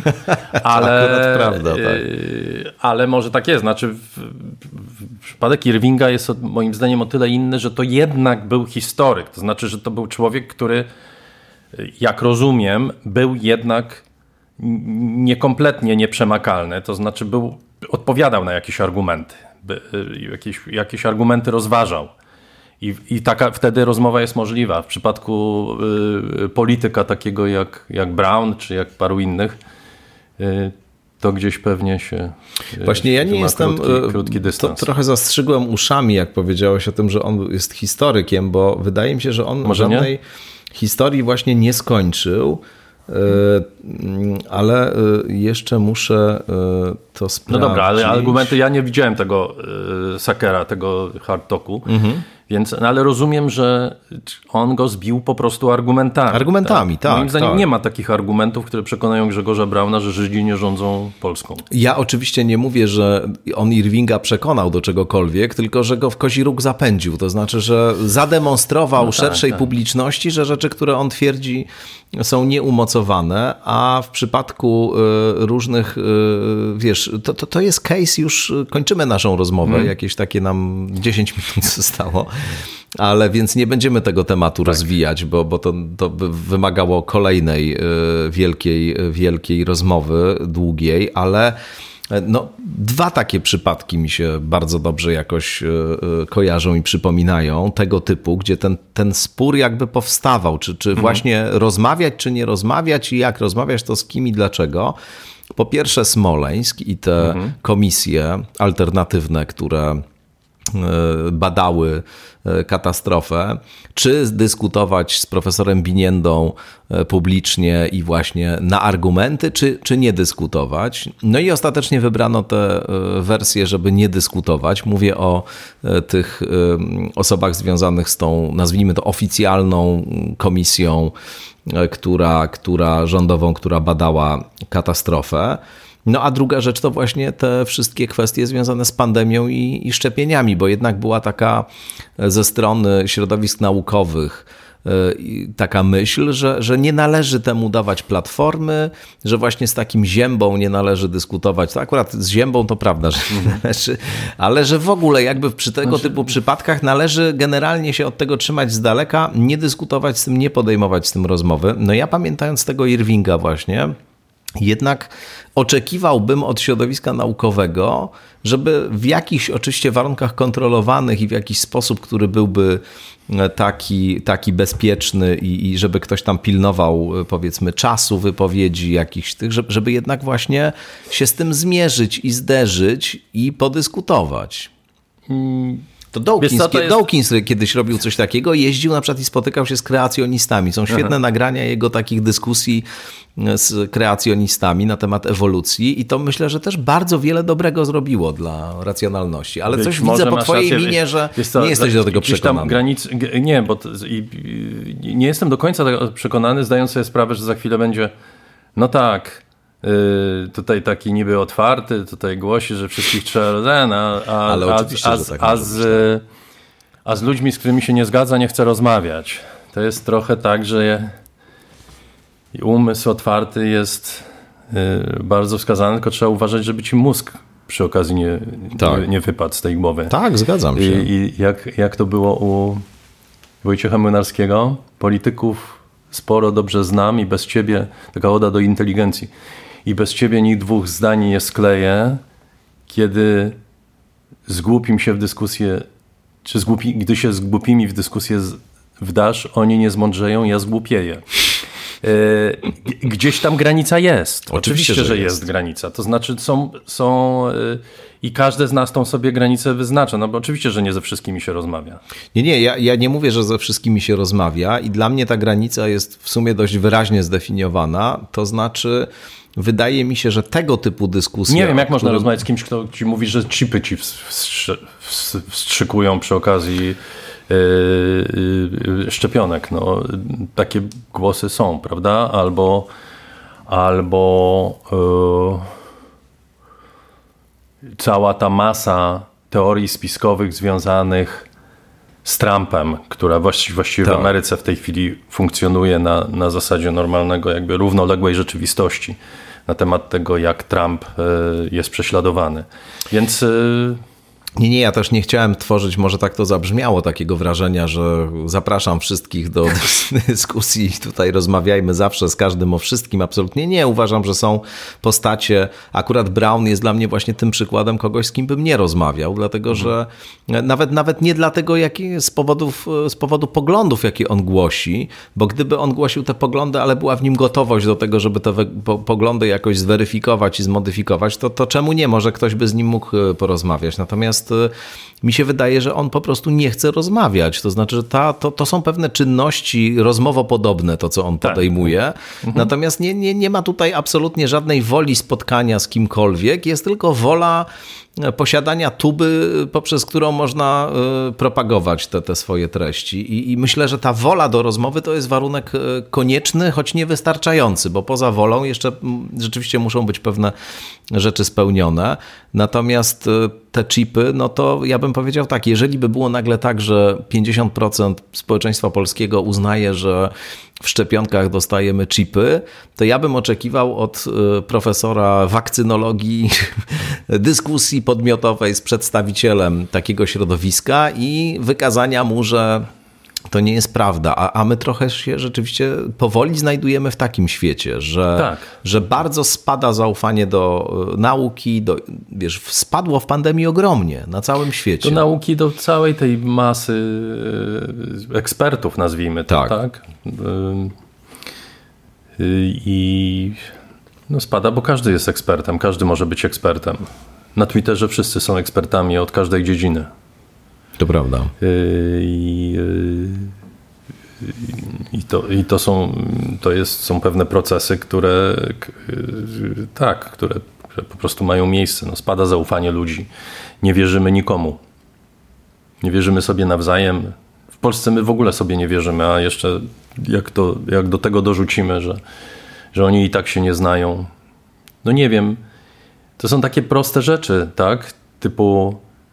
Yy, Teraz zupełnie z innej półki, mm. CPK, prawda?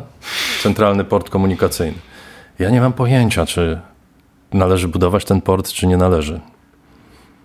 Wydaje mi się, że to chyba nie jest głupi pomysł, ale jestem gotowy, żeby, żeby się odbyła jakaś sensowna debata z ludźmi, ludzie, którzy y, są kompetentni, którzy kierowali lotniskami, którzy kierowali sieciami, liniami lotniczymi, wypowiadają się na ten temat takiej debaty nie ma. Boję się, że takiej debaty nie będzie, ponieważ będzie to po prostu decyzja polityczna, tak. która zostanie podjęta. Y, y, chciałbym żyć w świecie, w którym nie wszystko, co zostało zrobione przez PiS, jest złe, dlatego że zostało zrobione przez PiS, i tak samo nie wszystko to, co zostało zrobione przez PO, jest złe, dlatego że zostało zrobione przez PO. To są, to są oczywiste rzeczy, proste. E, ale czy doczekamy się takiego świata i takiej, takiej debaty? Wątpię. No. No, to jest, y, to jest rzeczywiście y, tutaj funkcja też y, specyfiki polskiej, gdzie wszystko jest zasysane do konfliktu politycznego tak. i, i, wszystko się tak polaryzuje. To w pandemii zresztą też było a jak, widoczne. Nie, a jak nie wchodzisz w ten konflikt, to się przestajesz liczyć. Tak, no, przestają tak. cię, to właśnie to jest, to jest to, co u Hajda było systemową głupotą. Tak. Słuchaj, żeby, żeby może nie zakończyć tej rozmowy koniecznie w ten sposób, to jeszcze bym na końcu zapytał, czy może coś dobrego czytałeś ostatnio. Ja dzięki tobie poznałem Siergieja Lebiediewa. Bardzo y, ta, ta, ta proza mnie zachwyciła. Muszę powiedzieć, że cieszę się, że kiedyś, jak występowaliśmy wspólnie chyba u Marcina Mellera, to przyniosłeś tę książkę ze sobą tak. i ja w ogóle wtedy ca, ca, ca, ca, cały ten świat zacząłem poznawać tego, tego autora. A może coś jeszcze innego ci ciekawego Co, wpadło ostatnio do głowy? E, przeczytałem przeczytałem y, w Izraelu przeczytałem Judasza mhm. Amosa Oza, który jest absolutnie genialną książką. Przeczytałem y, te palestyńskie wędrówki Radży Szechadecha, a ostatnio przeczytałem, teraz niestety się okaże, jakim jestem abnegatem, ponieważ nie pamiętam nazwiska autorki. Natomiast książka nosi tytuł Drobny Szczegół. Jest książką palestyńskiej autorki. Jak ją wygooglasz, Już to robię. za chwilę to będziemy wiedzieli i ja się nie będę musiał kompromitować. Nie no co ty. Bez przesady. Adania Shibli. Jest to krótka, stu kilkunastostronicowa książka, tak nieprawdopodobnie dobrze napisana, tak gęsta, opowiadająca o dwóch wydarzeniach. Pierwszy to jest y, historia z 1949 roku, kiedy oddział izraelski łapie y, Beduinkę, gwałci ją. Jest to zbrodnia wojenna, opisana w sposób y, niesamowicie oszczędny, a równocześnie nieprawdopodobnie gęsty. I przesuwamy się o 25 lat do przodu. Palestynka mieszkająca w Ramalli próbuje dowiedzieć się czegoś na temat tej zbrodni i w tym celu jedzie do Izraela. Nie chcę spoilerować, bo Tak. naprawdę warto to przeczytać, ale warto to przeczytać e, e, przede wszystkim ze względu na styl, w jaki ta książka jest napisana. To jest styl tak nieprawdopodobnie oddający atmosferę opresji. Jest chyba coś, czego nie, nie czytałem, e, nie, nie, czytałem książki, która tak dobrze potrafi stylem, metodami literackimi opisać świat opresji. Opresji indywiduum, jednostki. Yy, Bardzo polecam tą książkę i, i, i tobie, i wszystkim słuchaczom. Ja już tutaj zamówiłem właśnie, więc Super. korzystając z okazji. Bardzo Ci serdecznie dziękuję, Dziękuję za to spotkanie i tą rozmowę. Dariusz Rosiak gościł w podcaście Skądinąd. Raz jeszcze Darku dziękuję i Państwu dziękuję też za to, że spędziliście z nami te dwie godziny. No i do usłyszenia w kolejnych odsłonach Skądinąd.